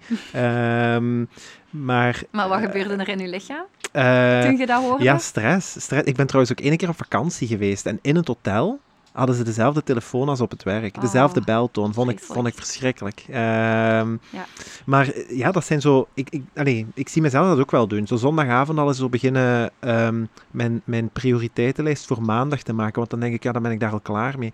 Maar dat is eigenlijk ook al een excuus. Mm. Dat is niet omdat ik er klaar mee ben. Dat is eigenlijk omdat ik het niet kan loslaten. En ik zit nu niks te doen. En dat weet, ik besef dat wel. En ik probeer het veel minder te doen. Ik probeer Mhm. het veel minder te doen. Ik lees ook geen mails meer op, bijvoorbeeld op zondag Ja. of zo. En dat doe ik ook al een hele tijd. Ehm, want ik zie dan zo bijvoorbeeld van andere collega's wel mails al toekomen op zondagavond, zondagavond om 9 uur, half 10. Dan denk ik, Mhm. ja, allee, eh, dat zou de- ik zou liever iets anders doen op, dat moment. Maar, ehm, en dat is denk ik voor veel mensen herkenbaar. En ik wil iedereen ook eens uitnodigen gewoon. ehm, probeer dat eens bewust te doen zo. Zondag, ehm, als er zoiets over het werk in je hoofd schiet, wat dat, dat inderdaad doet met u. Ja. Ehm, en dat vind ik altijd een goed signaal om eh, aan mezelf, maar ook ik durf dat ook aan andere mensen, om te zeggen, nu is het even tijd voor, ehm, voor time-out. Ja, Eh, dan is herstel. nodig. Ja. Ja, want uw weekend wordt allee, een halve dag korter, hè? dat is eh, Ja. eigenlijk al heel veel. Hè? Ja, ja. Dat heet trouwens de typische Sunday Scaries. Ik heb dat laatst ergens gezien. En ik zou zeggen, als u dat helpt om dat op dat moment neer te schrijven, omdat het dan uit uw brein is, om het zo te zeggen, dan doe het. Maar inderdaad, als je gaat merken dat doordat je ermee bezig bent en het opschrijft, dat je toch je lichaam al in een bepaalde stress zet, doe het dan niet. mhm. Als je merkt dat het je stress verlost, omdat je het uit je hoofd op papier hebt staan, zodat je niet de hele tijd moet nadenken in je zetel van, ah ja, dat nog, en ah ja, Ja. dat nog, Ja, doe dat het dan. iets anders. Ja. Maar als het inderdaad... Je voelt dat keihard, hè? dat is die trigger. En Ja. dat doet al iets met je lichaam. Ja, ja. Als je dat voelt, ja, dan is de tip echt, doe het, doe het niet. En, eh, Mhm. en het is voor morgen. Ja, absoluut. Ehm, als we zo eh, met die chronische stress, want ehm, in, in de webinar, waar, als je het dan hebt over acute stress, zijn er zo, eh, geeft je zelf ook aan, er zijn zeven zo een beetje life hacks, hè, zo simpele trucjes om, om zo de acute stress wat terug naar beneden te brengen. We hebben, we hebben die daar straks ook al opgesomd. Hè. Dat is Ja. bijvoorbeeld bewegen, ademen, lachen, affectie tonen, Ja. eh, creatief bezig zijn, met vrienden omgaan, ehm, huilen, wenen. Hè. Eh, dat, is, dat is ook een, een goede ehm, manier om, om stress los te laten en dat dat niet in uw, in uw lijf blijft zitten. Ehm, bij, bij chronische stress ligt dat iets anders. Hè? Want dat is een, ehm, een samenloop van heel ongelukkige omstandigheden en een opeenstapeling ook eh, van, van zaken. Dus dan zijn er wat, eh, ja, noem het wat grotere middelen nodig. Maar dat is gewoon om het verschil aan te duiden. Want eigenlijk zijn het ook heel basic zaken Ja. waar dat we allemaal ehm, gewoon iets bewuster mee moeten omgaan. Mhm. Ehm, ik denk ook als, als, als iemand een les wilt meenemen uit heel de aflevering, is dat het allemaal zo moeilijk niet hoeft te zijn. Eh, maar we moeten er gewoon iets bewuster mee bezig Ja. zijn. Ehm, jij vat dat zelf samen in, in zes, vind ik zelf heel belangrijke tips. En ik ehm, spreek met u en ik beloof nu ook aan u eh, dat ik dat ook eh, iets bewuster ga doen op die manier. Eh, omdat ik voor mezelf ook een beetje wil zien. ehm, ja, hoe loopt dat eigenlijk? En wat doet dat dan met mij als ik, als ik zo die, ja, niet noodzakelijkste zes allemaal, maar zo wat op dat moment voor mij van toepassing kan zijn, eh, om ze zo eens af te lopen. Ja. Ehm, ik, ga, ik, ga het, eh, ik ga het aan u laten. Wat, wat zijn zo die zes tips? Ja, Ehm, ik heb de zes tips eigenlijk samengevat voor mezelf in, in een aantal, ja, noem het eh, key principles, om het zo te zeggen. Het zijn inderdaad geen, geen stappen. Het is een beetje take what you need op het moment dat er een stressprikkel is. Eh, en het is gelijk gezegd, dan zijn er toch al wel wat grovere middelen nodig. Maar eigenlijk komt het puur neer op de mindset Mhm. die je hebt. Ja. En in C is dat eigenlijk een grover middel, want bewust worden van de bril waardoor je aan het kijken bent, is het moeilijkste wat een mens kan doen, omdat dat de manier is waarop je de wereld altijd hebt gezien. Mhm. En een stapje achteruit zetten om jezelf te evalueren en je, je eigen gedragingen, gedachten en gevoelens is voor jezelf te projecteren in de spiegel, is de zwaarste oefening die wij hebben te doen als, als persoon hier, zou ik zeggen. Ehm, maar dus mijn zes tips zouden daar wel een soort van richtlijn in moeten Mhm. zijn in hoe dat je je eigen eigenlijk die spiegel kunt voorhouden. En de eerste tip is eigenlijk is mindfulness. Mhm. Het is al eh, vaker aan bod gekomen, Ja. maar ik noem de tip ook van mindfulness niet geitenwolle sokken, want het staat echt verre van geitenwolle sokken. Ehm, de tip is eigenlijk, ehm, in eerste instantie bij mindfulness merk je op. Dus je Mhm. stopt en je merkt op. Mhm. Dus als ik zeg eh, mentaal stoppen, dan is dat in essentie voor mij mindfulness. Ik sprak er straks al eh, kort over dat ik, als ik dan kruisjes zet op de stresscyclus, wat dat dan voor mij betekent, op die kruisjes stopt je mentaal. En dat doet je door aan mindfulness te doen. Dus ik zeg, op die kruisjes kun je ook wel inbeelden dat er een soort van dominoblokjes staan. Mhm. Als jij niet je hand voor het volgende dominoblokje Ja. zet, dan valt de hele rij om. Ja. Dus met mindfulness kun je eigenlijk bewust van op een afstand kijken hoe de blokjes aan het vallen zijn Mhm. en kun je het voor zijn. Ja. Dus je start met opmerken En uh, met dat je opmerkt, gaat je beginnen observeren. Dus als ik terug het voorbeeld neem van dat bericht, um, dat gaat automatisch dat je de gedachte krijgt van oei, die zal boos op mij zijn. Ja. Als je jezelf traint om op die momenten mentaal te stoppen, door mindful te zijn, wat er aan het gebeuren is, kun je opeens die andere cirkel zien die ik zei, de feiten. Van Mhm. oké, ik denk dat hij kwaad op mij is omdat die niet antwoordt op mijn bericht, maar het wel gelezen heeft. Oké, wat kan er nog mogelijk zijn? En dan kom je bij het observatie, observatieaspect en uiteindelijk bij de bewuste actie, waarbij je gaat tegen jezelf zeggen van oké, de volgende keer als ik het, ik wacht nog even en als ik geen antwoord krijg, dan vraag ik gewoon kei open de volgende keer van hey, zeg, je hebt mijn laatste bericht niet gelezen, alles oké. En heel vaak wat je dan als antwoord krijgt is ah, ik ben dat vergeten. Ja. Maar er is helemaal niks aan de hand. Ja. Dus je bespaart je eigenlijk de voltooiing van je stresscyclus doordat je mindful gaat stoppen. Mhm. Dus dat is eigenlijk de, de eerste tip. en, en, het, en het een beetje zo... Allee, in uw voorbeeld hè, van zo het gelezen bericht waar dat geen antwoord op komt, ehm, is, is ja, vooral even naar uzelf kijken en, en het dan op een later moment, als er antwoorden te vinden zijn, dan terug opnemen. Ja. U ja, niet piekeren, daar gaat dat eigenlijk over. Hè? Ja. Ehm, en, en beseffen dat dat piekeren eigenlijk bij u ligt. Ja. Ehm, dat is inderdaad wel, eh, wel, wel belangrijk. Ja. Je hebt het in het stukje mindfulness, heb je het ook over, over ehm, emotie en dat een emotie eigenlijk maar 90 seconden duurt. Ja. Dat vond ik zelf ook heel interessant. Ja, dus als je mindful bent, op het moment dat een gedachte oppopt, dan zijt je op dat moment, doordat je bewust bent van die gedachte, normaal gezien ook bewust van welk gevoel het u geeft. Dus op dat moment dat je dat bericht ziet, je krijgt die gedachte, dan heb je inderdaad dat gevoel van teleurstelling, niet goed genoeg zijn, er moet iets zijn. eh, en je wordt daar wel verdrietig van. Dat is, als ik er een label op plak, het kan eender wat zijn, je kunt ook boos worden. Ehm, maar ik probeer emoties altijd naar mijn coaches te benoemen als een tunnel waar je door moet, heel bewust door moet, om aan het einde van de tunnel te komen waar het terug licht is. Eh, als je heel bewust bij die emotie blijft, dan besef je dat het pure fysieke aspect van de emotie en wat een emotie met je doet en dat je daar hartkloppingen van krijgt, dat dat eigenlijk maar 90 seconden duurt. Daarna neemt die intensiteit van die emotie al wat af. Mhm. Het is niet dat dan je gedachten opeens weg zijn en dat je zoiets hebt van, ah, er was niks aan de hand, maar je gaat veel minder intens reageren op de emotie doordat je jezelf de, het moment hebt gegeven om erbij te blijven. Mhm. Ik heb één concreet voorbeeld daarvan. Ehm, toen ik zelf heb ondervonden hoe het was om 90 seconden bij een emotie te blijven. En dat was omdat ik nog pendel tussen het huis van mijn vriend en, en mijn eigen huis. En ik had om 9 uur een meeting. Om kwart voor negen zit ik achter mijn laptop en ik besef dat ik mijn oplader niet bij heb. Mhm, Die lag dus nog bij mijn eigen thuis. Oké. Wat ik normaal zou doen, is heel hard beginnen vloeken. Heel boos worden. Misschien zelfs wat stress dat eruit komt via tranen. Omdat ik zoiets... Ik, ik vecht dan eigenlijk tegen die situatie. Ja. Dat die oplader nog bij mijn thuis ligt. Maar dat is maar om mee te geven hoe banaal stresstriggers kunnen zijn. Maar ze veroorzaken wel heel veel bij u. Ehm, dus wat heb ik in de plaats gedaan? Ik ben heel bewust geweest van hoe ik normaal zou doen. En ik ben heel dicht bij dat gevoel van boosheid gebleven. En hoe doe je dat? Puur door gewoon te zeggen van... Ha, dat is nu vervelend. Ja. Ah, ik ben daar, nu, daar ben ik nu wel boos van. Maar je gaat niet vechten tegen dat je die oplader bent vergeten. Want daar kun je nu niks meer aan veranderen. Nee, voilà. Dus ik had die meeting om 9 uur. En doordat ik zo dicht bij die emotie ben gebleven, heb ik na die 90 seconden kunnen zeggen: Kijk, ik ga die gewoon halen. Ik kan niks. Het is wat het is. Ja. Ik ga die halen. Ik stuur dat ik 10 minuten te laat ga zijn in die meeting, omdat mijn oplader nog bij mijn eigen thuis ligt. En die autorit was zo rustig. Ja. Terwijl als ik die 90 seconden had gevo- gevochten, eigenlijk, letterlijk tegen die emotie, dan was die autorit super ongemakkelijk geweest. En, en de start van uw meeting waarschijnlijk Ook. ook. Ja. Ja. Ja, en dat komt omdat je van het moment dat je niet bewust bij die 90 seconden blijft, blijft je stresscyclus duren. En je kiest... Dat is eigenlijk echt niet oké. ik, ben- ik noem dat dan... Ik ben dan de habit mind, maar soms dan zeg ik echt zo tegen de mensen die mij volgen van... Uw mind is echt niet uw beste vriend soms. Ja. Maar dan denk ik bij mezelf van... Als ik daar nu niet 90 seconden was bijgebleven, dan was mijn stemming voor de hele dag vaak wel bepaald. ja. Doordat je tegen zo'n stressprikkel aan het vechten bent. Ja. Ja. Oké. En de dag is best oké verlopen, puur omdat ik mezelf de toestemming heb gegeven om boos te zijn. Mhm, mhm. Ja. Ja. Oké. Oké.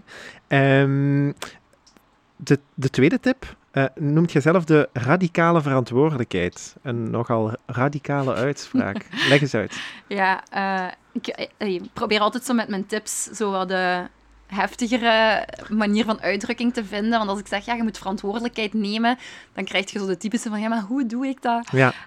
Uh, dus ik probeer te zeggen, van, ja, neem radicale verantwoordelijkheid. En dat radicale is voor mij zo belangrijk daarbij, omdat we zo geneigd zijn om situaties buiten onszelf te leggen. Mhm. Dingen die... Het is altijd arme ik. Ja. Um, also, ik, ik onthoud altijd alsof de wereld ons iets verschuldigd Ja. is. Zo. Dat vind ik altijd belangrijk om zo in mijn achterhoofd altijd te hebben. Zo. ja, inderdaad. Dat is een heel gemakkelijke valkuil. Ja. Zeker bij dat, bij dat bericht bijvoorbeeld, als je dat bericht ziet, dan kruip je in de slachtofferrol. Omdat, allee, hoe kan dat nu? Ik heb toch helemaal niks misgedaan? En je begint schuld buiten jezelf te leggen, terwijl als je op die momenten radicale verantwoordelijkheid zou nemen, zou je jezelf stoppen en zeggen... Ik ben hier weer verhaaltjes aan het maken, want we zijn ongelooflijk goede verhaalvertellers. Hè? Dat, wij, creëren, wij creëren de vreselijkste griezelverhalen eigenlijk in ons hoofd, die wij dan ook nog eens geloven. Um, terwijl als je radicale verantwoordelijkheid zou nemen, zou je op dat moment stoppen en tegen jezelf zeggen van ik ben een verhaal aan het maken in mijn hoofd waarvan ik nog niet zeker ben. Um, dus het, de tip van radicale verantwoordelijkheid is ook, ook gebaseerd op The Seven Habits of Highly Effective People van Stephen Covey. Ja. Um, waarin hij zegt, er is een cirkel van uh, controle waarin we bepaalde invloeden hebben. De buitenste cirkel is eigenlijk al hetgeen waar we geen controle over hebben. De binnenste cirkel is waar je invloedcontrole um, over hebt. Dat is de vereenvoudigde cirkel. Want je hebt ook de cirkel van betrokkenheid. Maar ik probeer het altijd zo simpel mogelijk te houden. Waarbij je bepaalde aspecten hebt waar je controle over hebt. En bepaalde aspecten waar je geen controle over hebt. Mhm. En het jammer aan dat verhaal, en eigenlijk ook het mooie aan dat verhaal, is dat je maar op drie dingen controle, over drie dingen controle hebt. En dat is je eigen gedachten, je eigen gevoelens en je eigen gedrag. Mhm. En dat is het. Ja. En Ja. daar vechten heel veel mensen tegen, omdat je dan in die slachtofferrol kruipt heel vaak en zegt, ja, maar die doet dat, en nu heeft die weer dat gedaan, en die heeft dit tegen mij gezegd. En ik heb een heel interessant gesprek gehad met eh, een vriendin van mij, die ook zei van, ik vind dat echt een goede tip, die controleoefening. Kijken waar ik controle over heb, want ik maak er dan een flowchart van, waarbij je jezelf stopt en de vraag stelt, oké, heb ik hier controle op? Dan zeg je bijvoorbeeld ja. Oké, gaat het over uw gedachten, uw geda gedragingen en uw gevoelens? Ja. Oké, doe dan iets. Je kunt actie nemen. Als je dan zegt nee, het gaat daar niet over, ja, dan is het het moment om het wat los te laten. Waarop die vriendin zegt van, oké, maar wat als iemand rondom mij mij echt ehm, iets onrespectvol heeft aangedaan? Mhm. dan ligt dat ook buiten mijn controle, omdat dat iemand anders zijn gedrag Ja. is. Ja. Maar dan zeg ik, ja, je kunt niet veranderen wat die persoon heeft gedaan, maar wat ligt er wel in je controle op dat moment? Ja, oké, mijn eigen gedragingen. Oké, en wat kun je dan doen? Ah ja, grenzen trekken. Dus uiteindelijk, wat andere mensen u aandoen, om het zo te zeggen, van het moment dat je radicale verantwoordelijkheid neemt, gaat je dat niet meer zien als aandoen. Iemand Mhm, doet u iets ja. aan, maar eerder in de zin van, wat heb ik aan mezelf te bewijzen en wat moet ik voor mezelf doen opdat ik dit niet accepteer? Ja, ja, absoluut. En dat is, die dat is radicale verantwoordelijkheid. Want van het moment dat je altijd dingen buiten je gaat leggen, gaat je altijd slachtoffer zijn. Ja, het is ook heel gemakkelijk. Hè? Ja. De waarom ik vraag is heel gemakkelijk. En ik denk zelfs dat in heel veel gevallen, stel zelfs dat je op die vraag een antwoord zou krijgen, lost het je probleem ook niet op. Nee. Ehm, dus dat is zo een, een soort van pseudo-analytische vraag waar dat je eigenlijk zeer weinig mee zijt in het vooruitkijken. Zo. Ja. Ehm, en, en nodigt u vooral uit om niks te doen. Alsof dat iemand u, alsof dat er op een dag een envelop in uw brievenbus zit waar, waarop dan de uitleg staat waarom jij. Ja, Ehm, maar ja, dat is absurd. Hè? dat is En- heel mooi gezegd. Ehm, en, en ja, het, het nodigt zo uit om echt te blijven wachten tot, iemand het u komt voorzeggen. Zo. Ehm, wat, wat, wat dat ik, ik weet niet meer waar ik het gelezen, gehoord of, of weet ik veel. ehm, maar een uitspraak die ik zelf ook wel altijd heel bewust probeer te denken is eh, dat ik niet boos ben of teleurgesteld ben in mensen. Maar dat ik boos ben of teleurgesteld ben omdat zij niet reageren zoals ik verwacht had. Ja, Ehm, en dat helpt mij ook wel heel erg. Ehm, omdat ja, mensen zijn wie ze zijn. En met sommige mensen komt je goed overeen en dat is heel leuk en dat is heel fijn. En met andere mensen is dat minder het geval. Ja. En dan, ik denk ook dat je soms daar. ehm, een standpunt, dat zijn uw gedragingen. Hè? ik bedoel, als ik in een situatie. Ik, ik ben iemand die bijvoorbeeld altijd het goede ziet in iemand. Dat is altijd, dat is onvoorwaardelijk en iedereen krijgt van mij allee, ook bijzonder veel kansen. Maar op het moment dat dat vertrouwen in die mate geschaad is en blijft worden. Ehm, neem ik ook wel gewoon afstand. Ja. Uh, dan ben ik niet kwaad op die persoon of zo. Ehm, maar ik, um, ja, ja, ik blok die persoon zijn toegang tot mij, omdat ik weet dat daar geen positieve energie te vinden is. Um, wat niet wil zeggen dat alles altijd leuk moet zijn en altijd alles positief moet zijn, maar... Um, Geven en nemen. Ja, voilà. En je kunt, je kunt maar op een... Uh, tot op een bepaalde maat of tot op een bepaalde hoogte kun je die dingen verdragen, vind ik, naar mhm. jezelf. En dan is iedereen het een beetje aan zichzelf verplicht uh, om, om ja, wat, wat dat is bescherming hè, van jezelf, ook om te kunnen zijn wie dat je bent. Ehm, ik denk ook heel veel, heel veel mensen die zo bijvoorbeeld creatief nadenken. Ik herken dat bij mezelf ook.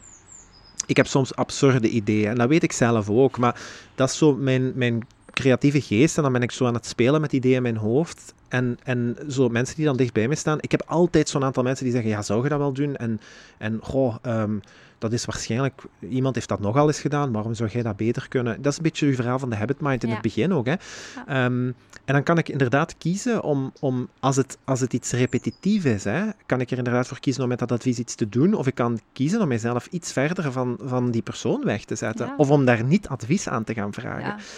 Ik denk om uw ware potentieel te kunnen bereiken, ehm, moet je u ook wel kunnen omringen en durven omringen met de juiste mensen en niet gewoon blijven zitten waar dat je zit. Ja, zeker weten. Um, maar dat is, ja, dat is, eigenlijk is dat in je gedrag hetzelfde als je gedachte van waarom ik. Zo mm. niet bewegen en gewoon in die vriendengroep of in die context mm. blijven zitten, daar niks aan doen, eigenlijk weten dat je in een werkcontext, ja, in een vriendengroep of in een werkcontext, zo van, goh, dit is eigenlijk niet helemaal hoe ik het zie en wie ik ben, maar ja, het is zo. Mm en dat is ook een heel passieve houding. Ja. Um, en, en keuzes zijn niet altijd. Um, neem nu bijvoorbeeld allez, in een, in een uh, stel dat je iemand al twintig jaar kent. Dat is niet gemakkelijk om te zeggen, ja, misschien ga ik daar iets minder mee doen. Mm -hmm. Maar mhm. alleen, eh, ik, ken nu een, ik heb nu een, een, een, een, collega waar dat ik wel goed mee over, ik ga daar eens iets mee drinken. Ja. Of ik, eh, ik ga daar eens iets mee doen in plaats van met die persoon. Want dat is altijd zo allee, klagen en, mm -hmm. en zo mhm. negatief. Maar in een werkcontext ook. Voor veel mensen is dat zo precies not done om te zeggen van, oké, okay, dit werkt niet voor mij. Nee ik stap daaruit. Ja. Um, gelukkig is de tijd waar dat we 40 jaar voor dezelfde werkgever werken zonder ons daar verder vragen bij te stellen voorbij. En, en toch is dat, ja, geeft dat wat paniek. Um, maar zo de, u, uw eigen top bereiken, uw eigen potentieel invullen, de weg daar naartoe is en moet uh, ook een beetje oncomfortabel zijn. Ja, hè? Um, niks is zomaar allee, gratis, hè, om, het, mm. om het zo te zeggen. Mm, mm. Um, ja. Dus allee, dat is zo even een, een, een zijspoor. Maar allee, vond ik, vond ik um, allee, voor mezelf zo die, die uitspraak dat ik... Um, ik ben eigenlijk niet boos of teleurgesteld op, op mensen, ja. maar gewoon hoe dat ik gedacht had dat ze zouden zijn ja. voor mij. En ik kan die niet veranderen. Ik kan ja. wel kiezen hoe ik daarmee omga. Ja. ja. En aansluitend daarbij aan wat je zegt, ook met die, de vrienden die je kiest... Er kwam laatst zo'n reel op Instagram voorbij. You, can, you cannot change the people around you, but you can change the people around you.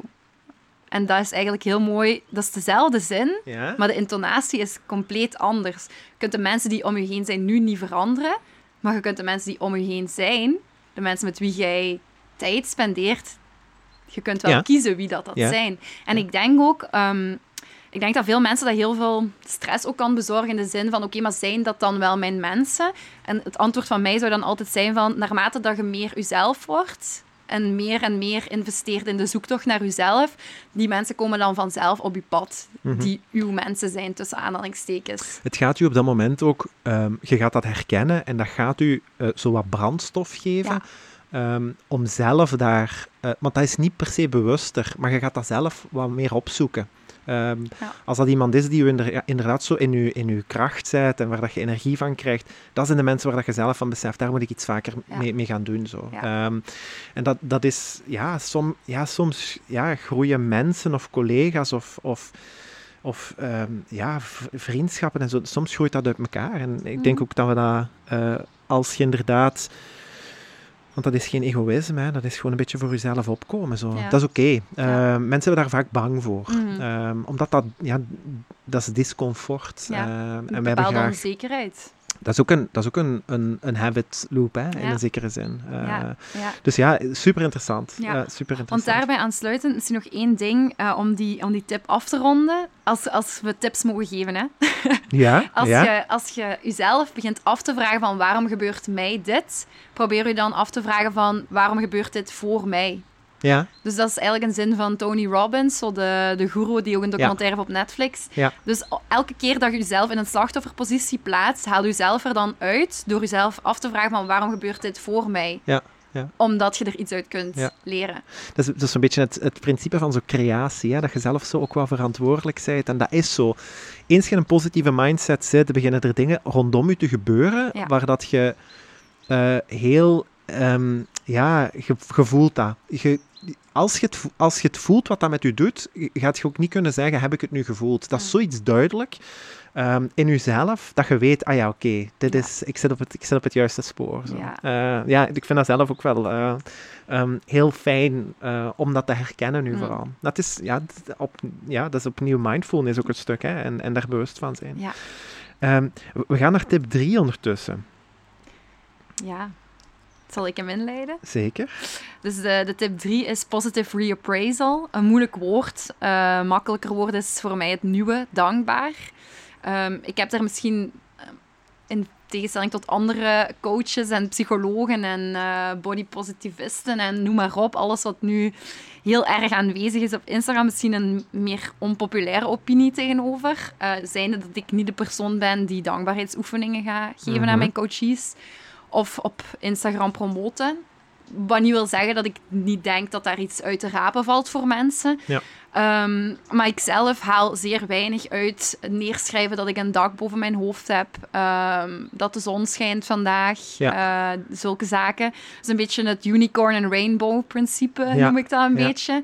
Daar, daar leef ik niet voor, want ehm, wat, wat dat voor mij doet, is heel erg vermijden wat er eigenlijk aan het spelen is in mijn leven. Dus soms kun je je oprecht slecht voelen. En ja, tuurlijk hebben we een dak boven mijn hoofd en heb ik kleren aan waar ik mij goed in voel. Kan ik mijn koffie zetten. Wij zijn super privileged, om het zo te zeggen. Ja, ja. Maar ik vind hoe meer belang en hoe meer gewicht je daaraan geeft dat het allemaal privileged is, hoe meer je je eigen gevoel, dat het soms wat minder is, aan de kant schuift. ja. Dat je daar geen ruimte voor geeft. Ehm, dus daarom probeer ik positive reappraisal aan te leren aan mensen. Dus dat is voor mij een beetje het nieuwe dankbaar. Dat is eigenlijk beseffen dat bepaalde dingen gewoon moeilijk zijn, dat die moeilijk aanvoelen. Maar daarnaast beseffen waarom het het waard is. Mhm. Dus bijvoorbeeld, ehm, ik heb heel veel studenten die mij volgen. eh, en je merkt dat dan als de examenperiode eraan komt, dan krijg ik meer berichten Ja. over stress en angst en piekeren. Ehm, en dan kan ik ook zeggen van, ah, maar doe een dankbaarheidsoefening. Want ja, jij kunt wel leren. ja. En jij kunt... Allee, jij bent super privileged, want jij kunt aan 800 euro per jaar aan de KU Leuven studeren, terwijl Ja. ergens anders moeten ze zoveel betalen. De kindjes zoveel... in Afrika kunnen Voilà, niet aan de. KU De- studeren. Zo de typische kindjes in Afrika. I don't like it. ja. En dat is niet vanuit een bepaalde maatschappelijk... Allee, dat ik oogkleppen op heb. Hè. Dat staat daar...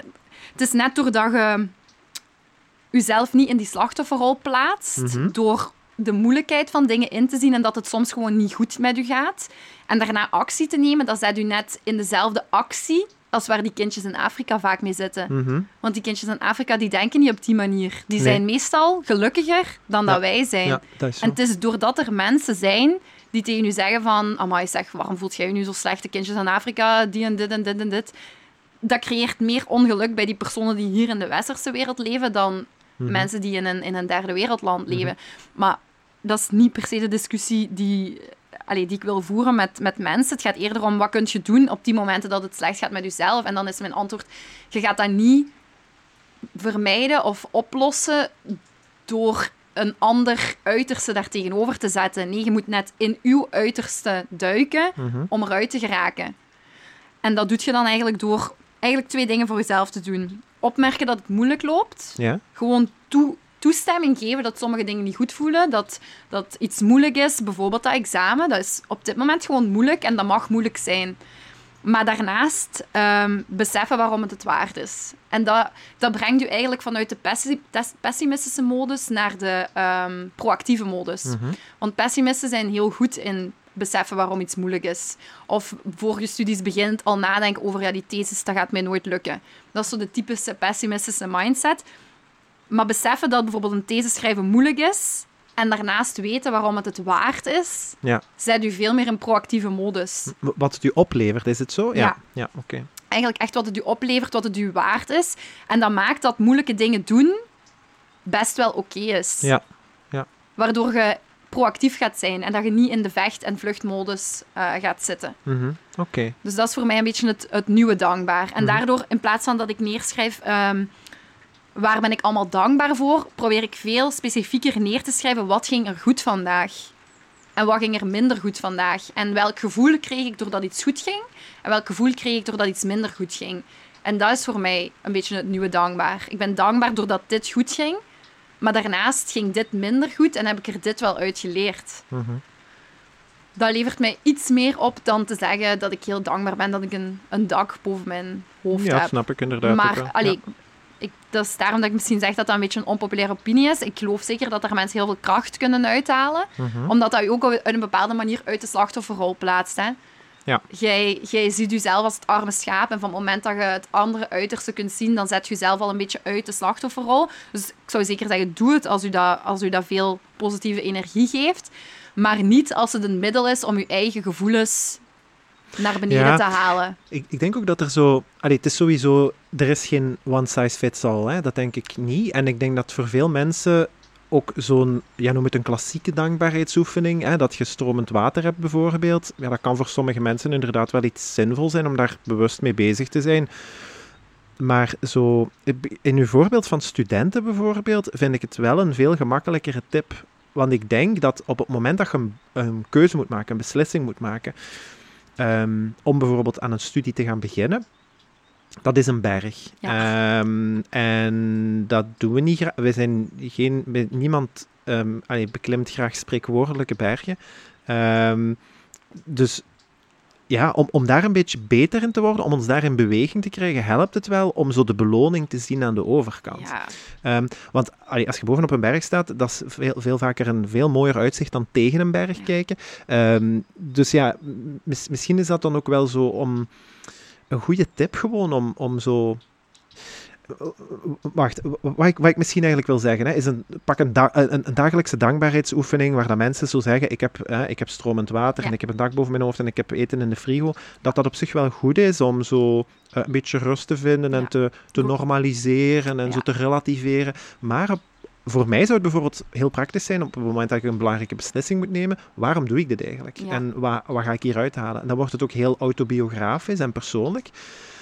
Ehm, en, en is dat ook iets dat ik zo gemakkelijk kan oproepen waarschijnlijk op het moment dat ik in... Stel dat ik aan die opleiding begonnen ben, ik zie het even niet meer zitten. Ah ja, maar hierom, hierom deed ik het. Hierom deed ik het. Ehm, en waarschijnlijk ga ik dan minder hebben dat ik, aan het feit dat ik stromend water heb. Ehm, dus ja, dat is zo de... Ja, dat is een beetje het nieuwe dank... Ja, zo 2.0. Ja, ik Ja, denk ik wel ben- dat dat de juiste... Want dus ja. daarom dat ik het zeg, het kan u zeker iets opleveren, dagdagelijks, als het een deel wordt van uw dagdagelijkse gewoonte. Maar voor mij is het geen tool om naar terug te grijpen op momenten wanneer het moeilijk wordt. Ja, voilà. Dan heb je daar inderdaad minder aan. Dat is een beetje wel de clue, mooie clue van het eh, verhaal. Ja, oké, absoluut. absoluut. Ehm, het volgende punt is een eh, opvallend punt, omdat ik denk dat iedereen daar wel een stuk beter in kan worden. Of toch heel veel mensen. Eh, dat gaat over het stellen van, van grenzen. Mhm. Dat is eh, mijn slechtste... Dat is mijn beste tip, die ik het slechtste zelf toepas, zal ik het zo zeggen. Ehm, Alles is ook heel gemakkelijk als je het aan andere mensen Ja. vertelt. Hè? Echt. Ik, ik heb ook eh, mensen die zelf hulpverlener zijn als coachie. En ik voel dat dan ook. En ik heb dat zelf soms ook. Hè. In het begin, voor ik de Habit Mind begon, had ik zoiets van... Allee, ik ga toch mensen niet kunnen helpen met de dingen waar ik zelf nog zoveel mee struggle. En ik heb net gemerkt, door op die momenten... Bijvoorbeeld dat ik inderdaad door stress wat overgenomen ben geworden en ik heb dat gedeeld, dat er superveel erkenning in zit Ja. net. Ja. Omdat je kunt niet altijd Nee. alles goed doen. Nee. En grenzen stellen is zo ene die ik zelf niet zo, niet zo goed doe. Mhm. Ehm, maar het idee daarachter is, opnieuw, het, het leunt wat aan bij de radicale verantwoordelijkheid. Dus je, hebt, je bent zelf verantwoordelijk voor de grenzen die je eh, stelt aan uzelf en aan anderen. Want het is een en-en verhaal. Mhm. Heel vaak denken mensen van, ah oké, ik ga dus meer moeten leren om mensen minder over mijn strepen te laten komen, over mijn, over mijn grenzen. Maar het is vaak ook hoe, hoezeer gaat jij over je eigen grenzen. Dus als ik het over eigen grenzen heb, ik heb een heel goed voorbeeld van mezelf. Is, ik heb eh, donderdag mijn eh, eerste online cursus gelanceerd, dus de Self-Confidence Rewire. En eh, ik ben echt beschaamd om te zeggen dat ik sowieso meer dan 15 uur per dag heb gewerkt, denk ik. anderhalve week lang. Dat klinkt misschien als ik het dan zeg, dan, dan minimaliseer ik het mij weer. Maar als ik heel bewust nadenk aan hoe heftig het is geweest de afgelopen periode, dan weet ik, je bent zwaar over je grenzen gegaan. En ik spreek daar dan ook over met een vriendin van mij en die zegt van, ja, hè, pas je eigen tips toe. En dan denk ik, maar dat gaat niet nu. uh, dus ja, echt geen grenzen gesteld aan mezelf. Met als gevolg, voor ik een opname moest doen voor een uh, videoopname, voor in de cursus, dat het echt oppeppen was. Mhm. Echt mentaal zoiets hebben van... Zo drie keer in- en uitademen. Uh, maar ik deed dat echt in mijn middagpauze. Terwijl ik voor AG aan het werken was. Dus ik, begon, ik begon eigenlijk de afgelopen week om uh, zeven uur s morgens.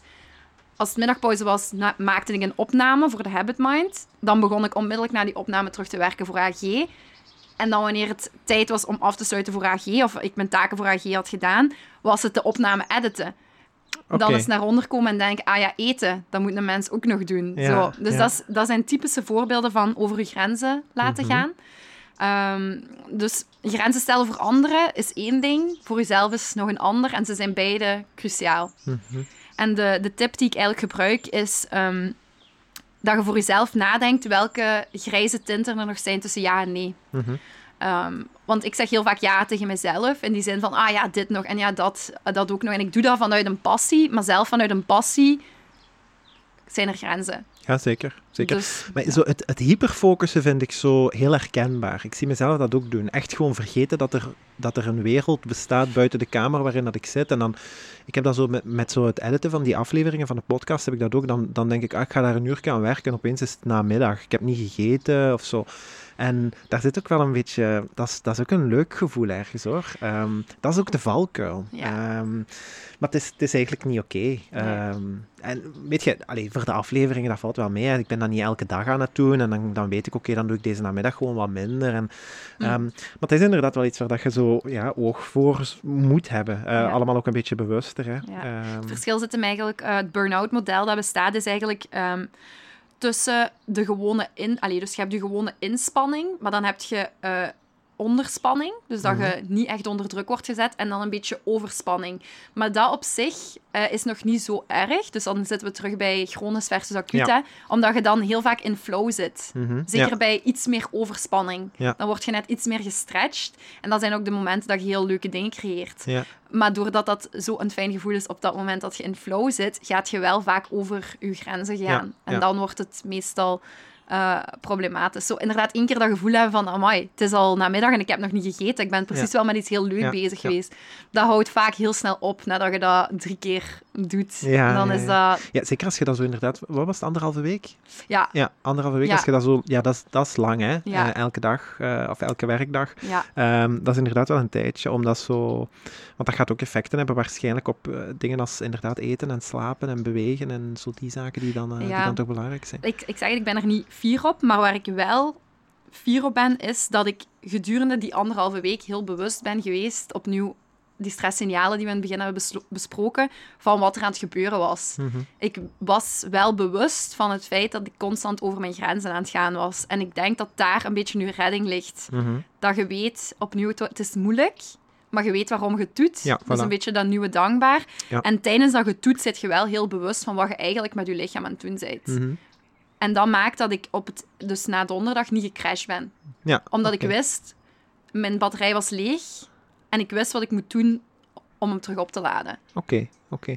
Ehm, je, je hebt zo in het, eh, in het stukje van, van grenzen stellen, gaf je zelf ook zo'n voorbeeld van, van een aapje op de schouder. Ja. Eh, vond ik zelf heel leuke beeldspraak, omdat ik het zo nog nooit gehoord had. Ja. Ehm, maar ik- vind het zo te belangrijk om, om eh, het aapje hier niet ter sprake te brengen. ja, het aapje komt eigenlijk van mijn werk. Dus eh, op momenten dat het heel druk is, ik heb echt een super, eh super goede manager. Die, vraagt, die stelt mij altijd de vraag: als ik, met iets, als ik de verantwoordelijkheid over iets heb gepakt, en dat is een moeilijke taak, dan stelt ze me de vraag: het aapje zit op uw schouder, niet? Zit het aapje nu op uw schouder? En waarom zit het aapje op uw schouder? En de beeldstraat die erachter zit is... Het aapje loopt daar ergens in het midden chaotisch rond. En er zijn verschillende partijen die naar het aapje zitten te kijken. Mhm. En wat doe ik heel vaak? Ik zeg, ah, ik zal dat wel doen. Mhm. Dus ik pak het aapje op mijn schouder. Het aapje is het taakje. Het aapje is de taakje, ja. Eigenlijk ja. wel, ja. Dus afhankelijk van... van het kan eender welk taakje zijn, hè. De afwas doen, noem maar op, hè. Ja. Dus het, het taakje op het werk neem ik dan op mijn schouder. Terwijl Mhm. heel vaak kun je de vraag stellen, was het wel mijn taak? Mhm. En de tip ehm, die zij mij ook heeft gegeven en die ik ook in het webinar heb ehm, aan bod laten komen is, moet ik dit nu wel doen? En de eerste keer dat ze dat zei, dacht ik, ja, ja, want als ik het niet doe, dan doet niemand het, snap je? Ja. Dus ik voel mij dan zo degene die de verantwoordelijkheid moet nemen. Terwijl, toen zei ze, probeer eens verschillende klemtonen te leggen in die zin. Dus, moet ik dit nu doen? Moet ik dit nu doen? En moet ik dit nu doen? Ja, ja oké. En als je die drie vragen eens voor jezelf neerschrijft, met telkens het woord dat ik nu net, waar ik de klemtoon op legde, in drukletters te schrijven, dan komt je vaker op uit van, oké, ofwel moet, is het iets dat ik moet doen, maar niet per se nu, Mhm. dus is het geen prioriteit. Misschien is het dat moet, iets dat moet gebeuren, maar moet ik het niet doen, Mhm. want het is niet iets waar ik verantwoordelijk voor ben. En een derde vraag is eigenlijk, moet ik dit nu doen? Is het wel iets dat bij mijn taken hoort, waar ik in ga uitblinken? Ja. Bij mij is zo'n typische de rapportering doen of zo. Mhm. ik, ik blink daar niet in uit. Ja. Geef me een rapportering en ik zal zoeken waar dat de missing links zijn en, en wa- hoe ik dat kan interpreteren. Maar de rapportering maken op zich, Mhm. ik kan dat doen, maar ze gaan veel minder hebben aan mij, aan de creativiteit die ik in mijn werk kan brengen, Ja. doordat ik dit nu ga doen. Oké, dus het is een beetje een eh, soort van eh, an- analyse-moment zo. Ja. Eh, voordat je inderdaad... Want het zijn ook heel vaak dezelfde mensen. Hè? Ik denk dat ook iets heel persoonsgebonden is, zo, die, er, die, dan, die dan daarop springen en dat Mm. aapje inderdaad naar zich toe trekken. Zo. Ehm, maar zo, ja, Ja, da- daar, zit ook, daar zit ook wat mindfulness in. Hè? Gewoon even tien seconden nadenken. Eh, moet ik dit nu doen? ja. Ja.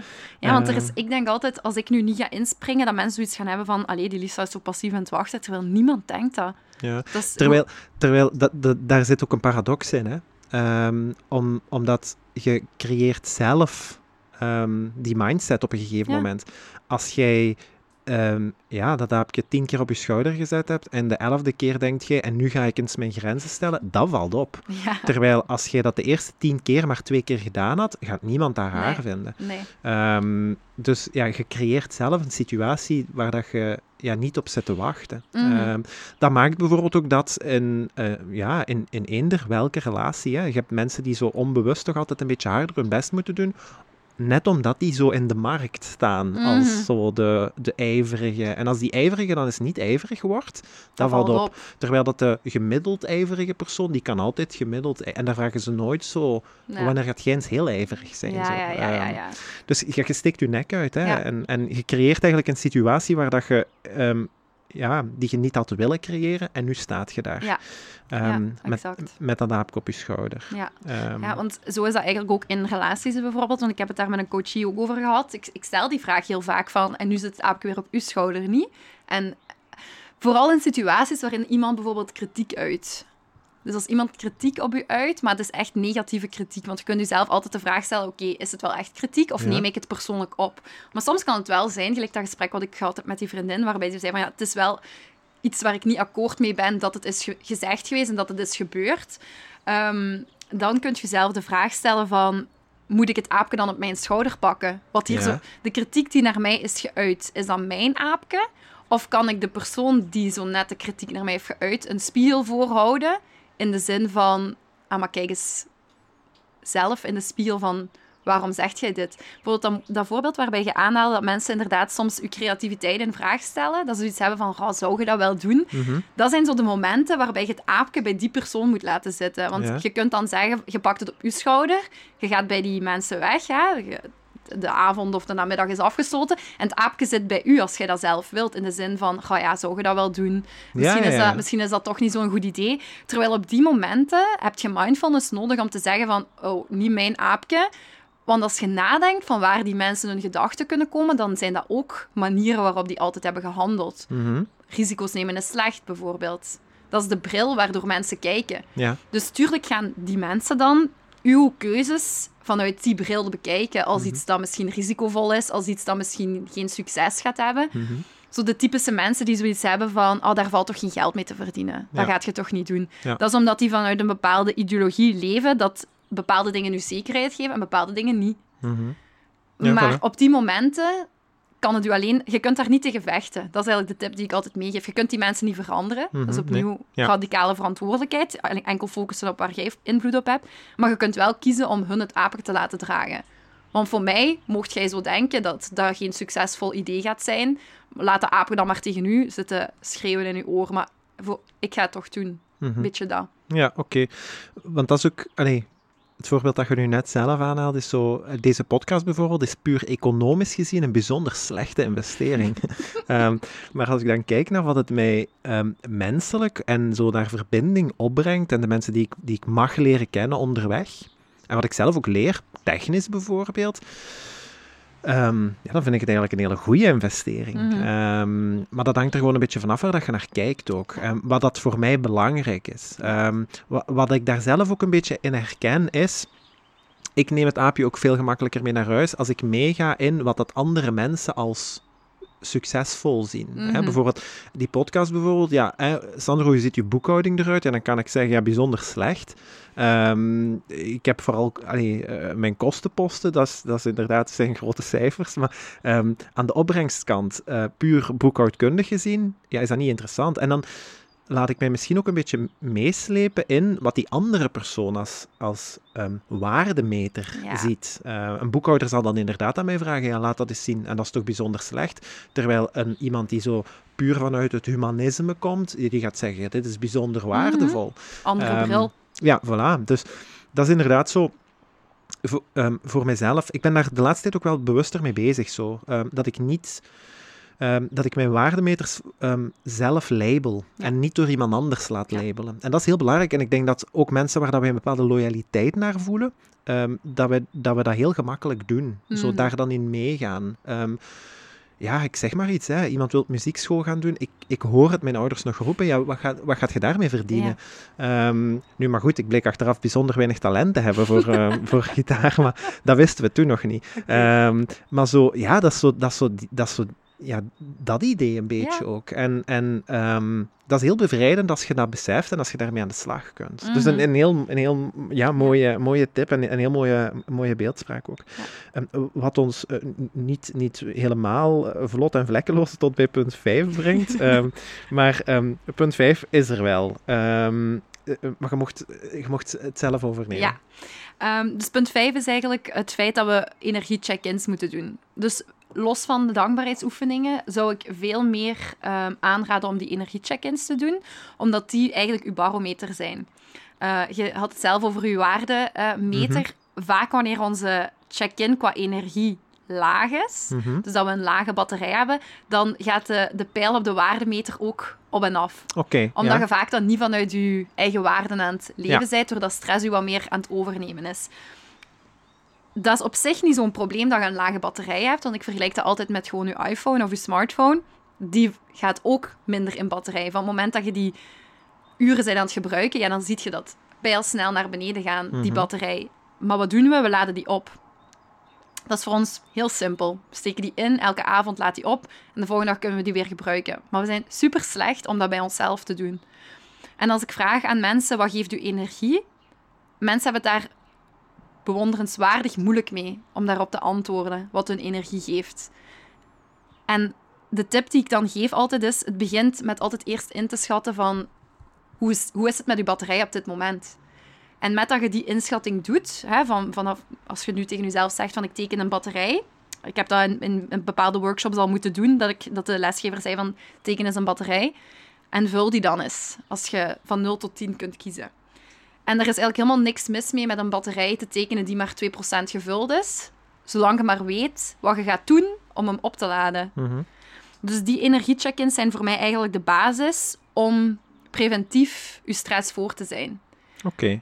Omdat het genorm- genormaliseerd dat je batterij leger en voller kan zijn. Maar je weet, doordat je... Je gaat dat merken vanaf het moment dat je bewust gaat zijn hoe je batterij is.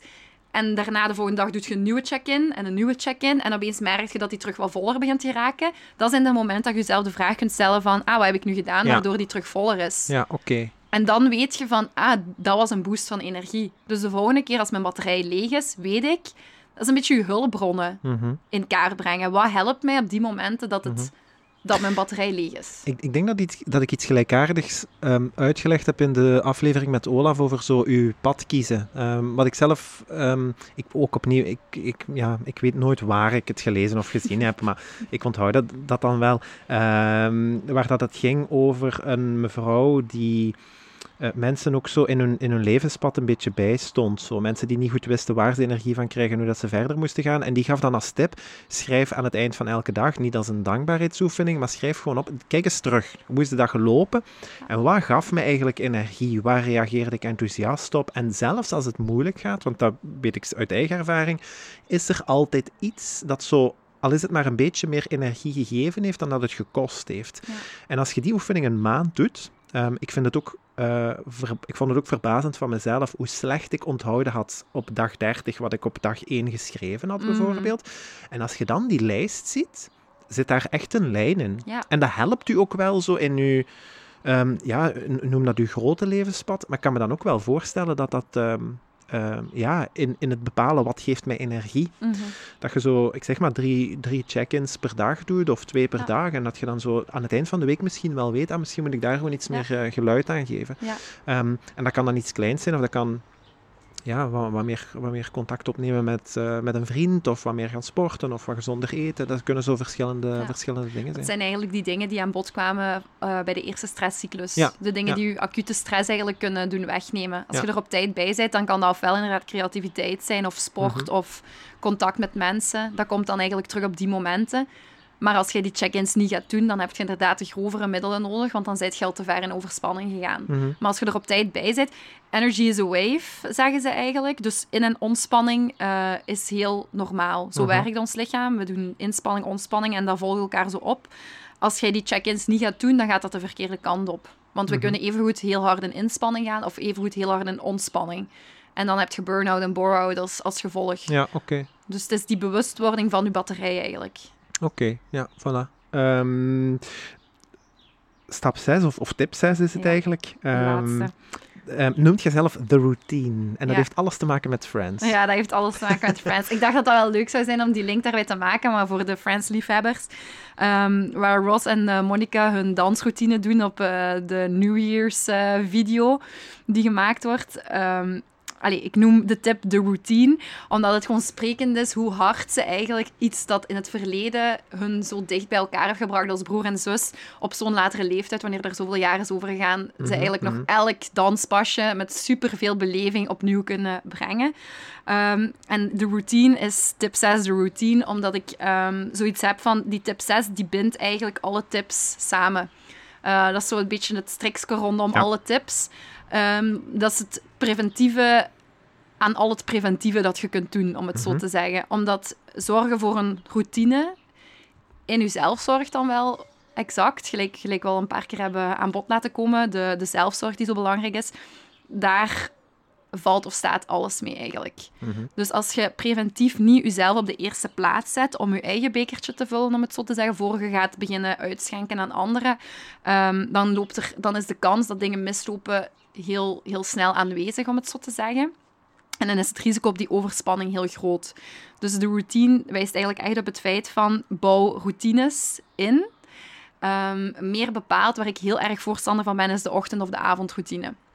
Ehm, waarom? Omdat er echt momenten zijn dat je kunt kiezen om bewust in jezelf te investeren. Mhm. Want doorheen de dag zijn wij letterlijk in de, hoe ze het noemen, de rat race. Ja. Zijn wij bezig en gaan, gaan, gaan. Wij zijn als mens ook gemaakt om maar te blijven gaan en te geven. Eh, Maar we nemen heel weinig terug voor onszelf. En die ochtend en avond vind ik zo mooie momenten om dat te doen, omdat je dan vaak wat afgesloten bent van de wereld. Dus het is een beetje kiezen wat voor u het meeste eh, afsluiting van de wereld oplevert. Bij mij is dat 's morgens, Mhm. omdat ik een, een ochtendmens ben. Dus ik kies er bewust voor om vroeger op te staan. mijn vriend lacht er altijd mee, want die zegt dan zo... Ja, jij bent twee uur wakker voor je werk. Voor wat eigenlijk? Ja. Wat doet jij dan eigenlijk? en ik zo... Alles wat ik door de dag niet kan doen, Ja. omdat ik er geen tijd voor heb. Ja, Ja. maar wat dan? Ontbijten op mijn gemak, Ja. iets lezen, yoga doen, sporten misschien al, mediteren. Alles waarin ik eens door de dag bezig ben, zoiets heb van... Nee, ik ga echt niet mediteren nu. Of Mhm. ja, ik kan nu niet stoppen met werken om even rustig yoga te doen. Dus al die dingen waarvan ik weet dat ze mijn batterij opladen, doe ik in die momenten dat ik een routine voor mezelf creëer. Mhm. En om mensen daarin te helpen, eh, dat kan evengoed s'avonds zijn, eh, zijn er eigenlijk vier tips, een, een model van vier, een beetje de key principles van hoe je, eh, wat je kunt doen in een ochtend- of avondroutine. Dat is grow, connect en move. Ja. Ehm, ik denk dat er nog een was. Let's move, go, connect. Nee, het is die. Het zijn die drie, denk ik. Grow, Connect, Reflect. Reflect, Reflect, ja, ja, voilà. Dus die vier. Dus grow wil zeggen dat je tijd investeert om echt eh, te groeien door bijvoorbeeld bepaalde dingen te lezen of te mediteren. Dus je investeert in je groei doordat je eh, nieuwe dingen leert eh, of doordat Mhm. je nieuwe dingen leert over jezelf tijdens een meditatie. Reflect is als je nadenkt bijvoorbeeld over je dag. Je doet de Mhm. energie-check-ins bijvoorbeeld s'morgens door in een, in een journal, een notitieboekje neer te schrijven hoe je je Ja. voelt. Ja. Eh, move is de typische ja, beweging, s'morgens of s'avonds. Ehm en connect is de momenten van connectie. Mhm. Ehm, wat ik vaak doe, is 's morgens maak ik tijd voor grow, reflect en move. Heel kort, want dat moet... Vaak denken mensen van zo, oh nee, zelfs 's morgens heb ik daar geen tijd voor. Maar reflect op zich kan bijvoorbeeld twee minuten zijn. Dat je Ja. gewoon even... Desnoods tekent je gewoon een batterij en je vult die om bewust te zijn van hoe het met je gaat. Je leest vijf pagina's uit je boek eh, en je doet tien minuten yoga. Mhm. Alles samen is dat 20 minuten misschien. Ja, absoluut. En ik denk dat daar ook een sneeuwbaleffect geldt. Hè? Zo vanaf het moment... We, we zien het vaak te groot. Hè? Ik heb geen tijd om te lezen, maar niemand heeft gezegd... Er is, allee, er is geen enkele professor die ooit beweerd heeft dat lezen pas lezen mag genoemd worden vanaf het moment dat je daar een uur mee bezig Ja, bent. exact. Ehm, dus, en, en toch leggen we die, die lat zo voor ons, voor ons zo hoog. Ehm, wat mij helpt is een zo. ehm, want ik denk wel dat ik een aantal van die dingen doe, alleen heb ik dat nooit zo Mhm. bekeken of genoemd. En ik probeer het altijd aan iets te koppelen wat ik sowieso moet doen. S S'morgens eh, een tas koffie of een tas thee drinken en dan daar eh, vijf minuten of tien minuten bij lezen. Want ik ben ja, die tas koffie toch aan het drinken. Ja. En dan zet ik me even neer en ik lees in plaats van op mijn gsm te scrollen, Mm. want daar heeft niemand iets aan. Ehm, of bijvoorbeeld ehm, iets wat ik zelf niet toepas, maar wat dat ik, eh, ik denk ook ergens in een podcast gehoord had, iemand die squats doet terwijl hij zijn tanden poetst. Ah ja. Ehm, want ja, ja, eigenlijk, ja, je poetst je tanden twee, drie minuten ongeveer. En je doet gewoon die periode zonder daar gewichten aan te hangen of zo. Maar uh, doet je ook squats en dat is dan je lichaamsbeweging. Mhm. En veel mensen zeggen dan, denken dan van, ja, maar ja, je gaat daar toch niet... Ja, tuurlijk gaat je daar niet... Je gaat daar geen godenlijf van krijgen, maar dat is ook niet de bedoeling. Nee. De bedoeling is om in beweging te komen. Eh, en, en om een beetje aan, aan zo zelfontwikkeling te doen. En eh, de, de mensen die zo ehm, in een routine zitten en een gewoonte aan het aanleren zijn, misschien is dat in het begin niet de bedoeling om een uur te lezen, maar als jij s'morgens vijf minuten gelezen hebt en dacht u wat geprikkeld, Ja. zet je s'avonds ook gewoon gemakkelijker geneigd om dat boek toch terug op te pakken. Zo Ja. als je er een dagelijkse routine van maakt. Ik heb dat bijvoorbeeld met, met, met podcast ehm, luisteren. Ik luister heel graag naar podcasts. Soms luister ik er zoveel dat ik het even gehad heb. En dan luister ik vooral muziek en dan heb ik dat een paar dagen. En dan heb- eh, merk ik dat er zo... de- allee, dan zegt de portier, ja, nu mag er terug informatie komen. Ja. Zo. Ehm, en dan merk ik ook dat het zo... eh, ah, ik, ik ga nu wel lopen, want dan, kan ik, dan heb ik nog een excuus om zo'n half uur, drie kwartier nog eens naar podcasts te luisteren. Ja, ja, ja. Want thuis ja, zit je bezig en je zit aan het babbelen met elkaar en zo. En dan denk ik, oké, ik ga toch lopen of, of zelfs de keuze maken om te gaan lopen om naar een podcast te luisteren. Ehm, en door die dingen te combineren, ehm, creëert je eigenlijk een systeem waar dat je, ja, moet ik dat zeggen? Als een podcast super interessant is, ga ik denken, ah, ik, ga, ik ga hier nog niet terugdraaien, ik ga één lus verder. Ehm, en dan wordt misschien 10 minuten lopen, wordt 20 minuten Mm. lopen en wordt een half uur lopen. En zo wordt 5 minuten lezen, een half uur lezen. Mm. Ehm, en eigenlijk moet je beginnen. Je, Ja. je weet je bestemming nog niet, maar je Nee. moet gewoon... Niks is af aan het begin. Mhm. Ehm, en, en ja, eh, misschien moeten we dat ook gewoon voor een stuk beseffen en loslaten. Hè? Ja. Dat niks moet perfect zijn. En niemand heeft gezegd dat je 40 bladzijden moet lezen en dat je dan pas je diploma krijgt van goed gelezen. Ja. Ehm, zo die, een beetje relativeren en de, de, dingen niet zo serieus nemen. Het gaat ook niet om... Allee, zo bewegen terwijl je je tanden poetst, gaat ook niet over uh, een sixpack krijgen en allee, een, een beachbody krijgen, maar gewoon om in beweging te geraken. En dan gaat je wat fitter voelen en je gaat merken dat je wat, wat steviger staat, bijvoorbeeld. En dan gaat je, ah, misschien moet ik terug wat meer gaan sporten. Je, je, je, denkt daar gewoon anders over na. Ja, het komt heel mooi terug in uw verhaal. Wat ik ook altijd zeg is, um, als je een nieuwe gewoonte wilt installeren, de eerste stap is doe het. Want die, gelijk gezegd, die berg is zo hoog, je staat daar beneden en je denkt, ah, ik wil 10 kilometer lopen, oh, dat gaat me nooit lukken, want dat is 10 kilometer. Terwijl begin gewoon eens met 2 kilometer. En who cares als Strava zegt 2 kilometer, want dat is ook het ding. Gaat je lopen voor jezelf of gaat je lopen om het op Strava te zetten mhm. tegenwoordig? Ja. Maar dan zeg ik altijd, connecteer dan eens met het gevoel dat het u geeft. Want het is niet de routine op zich dat u een goed gevoel gaat geven. Het is wat je doet in de routine. Ja, voilà. Dus van het moment dat je gaat connecteren met hoe dat u iets doet voelen, zijn dat jij krijgt een super fijn gevoel van gaan lopen met een podcast in je oren. Het lopen op zich wordt dan niet meer het doel. Het doel wordt eigenlijk het goed gevoel. Ja, voilà. Waardoor het veel makkelijker is om gewoon te gaan. Mhm, mhm. Dus van het moment dat jij weet wat het u oplevert, is, het, is de drempel om het te doen veel minder groot. Zeker. zeker. ja, we, we, we werpen onszelf onterecht ook vaak gewoon drempels voor onze eigen voeten. En misschien moeten we dat een beetje loslaten, dat echte, dat e-, echte perfectie misschien imperfect moet zijn. Ehm, goed. En ook het luisteren naar jezelf ja, komt er heel mooi in terug. Voilà, ja. Komt ook in heel uw verhaal heel mooi terug, uh, dat het tijd is om te luisteren naar onszelf. um, we, gaan dat nu trouwens binnenkort ook echt kunnen doen, hè, naar onszelf luisteren. Ik heb ook het idee dat ik hier echt, ik zou hier nog uren kunnen zitten met Ulisa. Um, maar ik ga u, ik ga, u, u ook verder uw ding laten doen. Ehm, wat ik wel nog heel belangrijk vind, is, dat hebben we daar straks al gezegd, zo de, de, de uh, iets meer uitgebreide versie van uh, wat we daar net over lopen hebben, kunnen mensen nog online uh, beluisteren. Daar ga ik straks, nee, daar ga ik als de aflevering online komt, gaat het ook terug te vinden zijn in, in de show notes. Ehm, maar er is ook meer, hè? Zo die, eh, die hele uh, Rewire-reeks, uh, ja. um, waar dat ik zelf ook zo wel met wat interesse al eens doorgebladerd ben. Zo. Um, leg eens uit, hoe, hoe zit dat in elkaar? Ja, de, het Stress Less Live More is echt de eerste, de eerste kennismaking met wat stress eigenlijk met u doet. En inderdaad echt het luisteren naar uzelf, de verantwoordelijkheid nemen. Het is een samenraapsel van tips eigenlijk.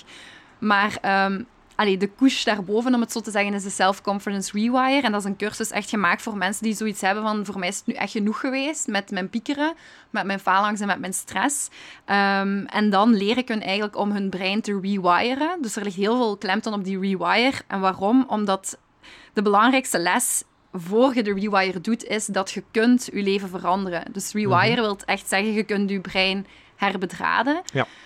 Um, dus dat leeft echt in die cursus, dat je in je kracht wordt gezet om je leven te veranderen.